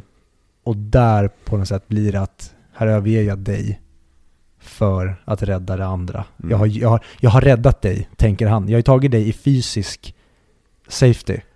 Men han behöver ju bara sin pappa som ska vara där och hålla om honom. Precis, Men han han är så väljer- förvirrad och rädd. Ja, och han, han förstår ju inte och tänker att Mm. nej men vadå? Det här är väl ingen fara, nu springer jag och löser det andra. Det hjälper ingenting att jag sitter här med dig, HW. Och det blir starten på deras trasiga och i slutändan döda förhållanden. Mm. Verkligen. Briljant jävla film. Briljant jävla film. Nästan lika bra som Joss Whedons Justice League.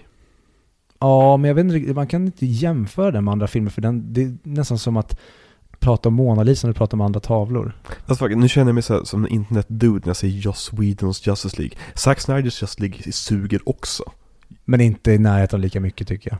Fast den suger på andra sätt. Alltså Joss, Joss Whedons Just League är ett uppenbart hatchet-jobb i klipprummet och ett försök att rädda någonting som gick rakt åt helvete. Zack Snyders Justice League är en person som fick alla resurser han bad om till slut med två års hindsight i bakhuvudet om vad som gick fel med den. Med, med liksom, möjligheten att kunna rädda olika scener, möjligheten att kunna spela om vissa scener och så vidare. Och så blev det ändå bara pang. Och han slösade sina pengar på att spela in extra scener med Jared Leto som Jokern. Jag hatar faktiskt, jag, faktiskt, jag tycker att det är en bättre film, Zack Snyders Justice League, men jag hatar den mer än Joss Whedons Justice League. I'm sold. Mm. Mm. För jag vet, okej, jag går på en liten tangent här. Zack Snyders Justice League öppnade upp en dörr som jag önskar att vi stänger snabbt som fan. Och det handlar om fanboys ägarskap över filmskapandet. Ta bara när Sonic skulle komma, den för, nya Sonic-filmen. När designen på Sonic visades och, och internet sa nej, fy fan, fan vad ful den är. Och visst, nu ändrade de designen och man tänker yes, vi vann. Vet ni vilka som inte vann? Specialeffektskaparna som, som var tvungna att jobba övertid i ett fucking år och inte fick träffa sina familjer på liksom flera månader för att ni inte var nöjda med designen. Och bara det att studion sa, nej vi är rädda för fans reaktion här. Jag ska säga så, hade, hade vi varit rädda för fans reaktion, reaktioner, så hade vi inte fått Heath Ledger som Jokern. Vi hade inte fått Michael Keaton som Batman. Vi hade inte fått någon Iron Man-film, för att det var ju larvigt, jävla Sealisk karaktär. Gör någon riktig, gör en Wolverine-film istället. Fans, jag, jag börjar bli så jävla trött på fans som säger att vi förtjänar det här. Men vi har släppt in mobbvälde och drev i filmskapandet. Ja. Och det här nu att, att de lyckas rösta in så att två Zack Snyder-grejer tas upp på Oscarsgalan. Med Army of, Army of the Dead som blir nominerad som publikens favoritfilm. En film som typ ingen tyckte om. Visst, den är duglig. Den är 3 av 5, Army of the Dead. Eh, och att The Flash Enters the Speed Force är det största filmögonblicket, eller cheerworthy moment i världshistorien. Skjut, skjut er själva i huvudet. Men vi kan väl fastslå att eh, det blir ingen Oscarsgala vi gör nästa år i podden utan det blir Baftan. För att Oscarn är död. Den betyder ingenting längre. Den har bara kommersiellt värde men priserna i sig har blivit en... Det, det är dagis. Mm. Och hela Oscarsgalan är ett jävla dagis. Det är kanske just därför vi borde köra en live-kommentar på den. Det är Men vi kommer göra Baftan- det. Men jag, jag är kommer- glad att säga Baftan i och med att den, den sänds också på en rimlig tid i Sverige. Ja, just det. I och med att det är bara en tidszon bort. Mm, och um, britt... Jag skulle aldrig kunna ta amerikaner på större allvar än britterna. Alltså britterna gör saker med verkshöjd. De Ja. har en självdistans till saker och de vet när det ska hånas och när det ska vara seriöst. Mm. Men USA, det är ju ett land i självimplosion just nu och Oscar är ju ett väldigt, väldigt tydligt tecken på Ja. hur illa ställt det är.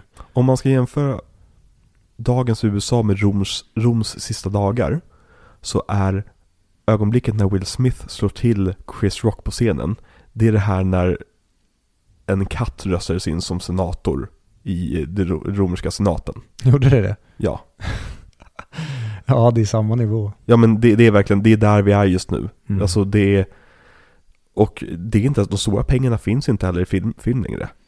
YouTube-stjärnor drar in mer pengar än vad filmstjärnor. Drar in. Mm. Och liksom har större budget, inte större budgetar, men har liksom större, större kontrakt än vad liksom en storfilmer har ibland. Det är som vi kommer se en snabb omsvängning. Och jag tror att Will Smith-släpen bara bevisar för folk hur död och rutten den här branschen egentligen är. Mm, vi behöver... eh, Och det, då blir jag väldigt glad att eh, vi har Matt Reeves Batman och Dune som kan vara en slags väg tillbaka till det gamla Verkligen. Hollywood där vi skulle göra riktigt, riktigt bra filmer istället för att hålla på med då, för att prata Anna Sternerska, ehm, vi ska forma samhället i den riktningen vi tycker att samhället ska gå. Förlåt, jag rullade mina ögon så långt bak i huvudet att jag fick ont i huvudet när jag hörde det. Men nu är vi väldigt bittra. Vi eh, ska avrunda det här och som vanligt vill vi ju tacka våra wunderbara, underbara, älskvärda Patreons. Mm. Vi kommer inte dra igenom hela listan den här gången, för det gjorde vi förra gången. Nej, men vi har ju fått en ny Patreon Mm. som jag vill i alla fall minnas att vi inte har nämnt i tidigare avsnitt och det är ju Staffan Wennberg. Jag för mig att vi tog honom med Magnolia, men han kan få en extra shoutout. Då kanske vi tog honom i Magnolia. Jag har inte hört Magnolia, så jag Ja. vet inte. Jag för mig minns det. inte. Jag har för mig att jag hörde det igår kväll när jag klippte Magnolia. Men eh, Staffan, eh, kul att du vill ha Patreon. Du är en jävla hjälte som ger oss 100 kronor i månaden. För det är väl det Staffan gör. Ja, Ja. men eh, då får du en till shoutout här eh, Staffan. Och det som vi säger nu klipper vi bort helt enkelt om det bara var tacket vi skulle ha med. Tack till våra Patreons, tack till alla våra lyssnare också. Ja, Det, är så jävla kul att se att ni lyssnar. Men det är jätte, jätteroligt att eh, ni lyssnar och det är väldigt kul det här konstiga oplanerade projektet som Patreonen blev. Mm. För du och jag tänkte ju från början bara, ja men vi gör väl kanske DVD-kommentarer och någonting ibland. Och nu bara slänger vi ut deleted scenes och det blev en, ett avsnitt när vi spelar ett online-filmspel Mm. i, eh, som vi bara slängde upp micken för att testa. Och eh, Ja. det är väldigt kul att göra. Och vi Mm. hoppas att ni Patreons uppskattar. Mm. Jag hoppas att ni vanliga lyssnare också uppskattar egentligen tiden och mödan vi lägger ner på de här avsnitten. För att det är inte bara att vi ser filmen och sen sätter oss och bla- blajar om den. Utan vi lägger ju faktiskt ner en jävla massa tid på det här projektet. Så det är kul att känna sig uppskattad för det också. Mm. Vilket vi gör. Det var Mm. inte någon slags glidning eller negativt utan Mm. vi, vi känner oss väldigt uppskattade. Visa mig uppskattning.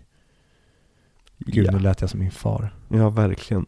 Men ehm, vi är tillbaka nästa vecka. Då ska vi prata om min far. Då ska vi prata om The Master. Precis, exakt. Vi ska prata om Adolf Hitler. Nej, vi ska prata om...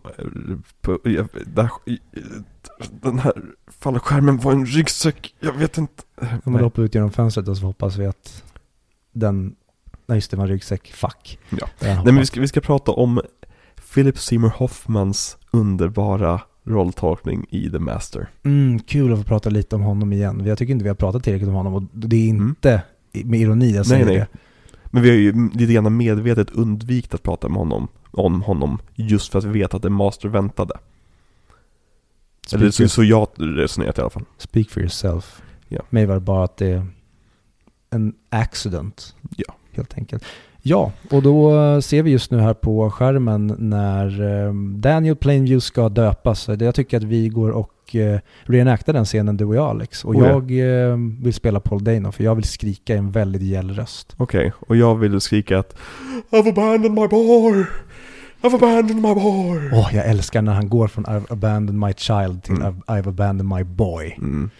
Ja men det är väl slags där smärtgränsen går. Ja. Men eh, tack så jättemycket för att ni lyssnar. Ha, eh, just det, våra sociala medier, eh, audio och videoklubben överallt. Och vi kan, ni kan mejla till oss eh, Mm. om ni vill.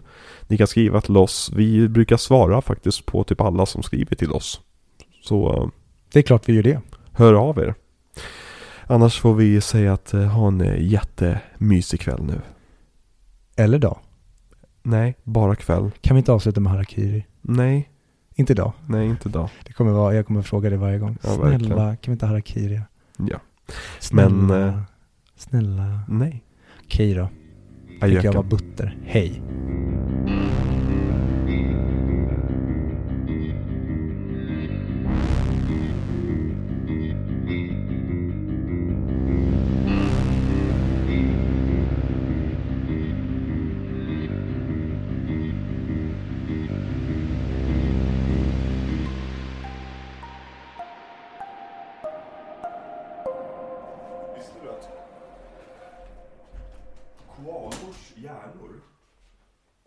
Helt släta?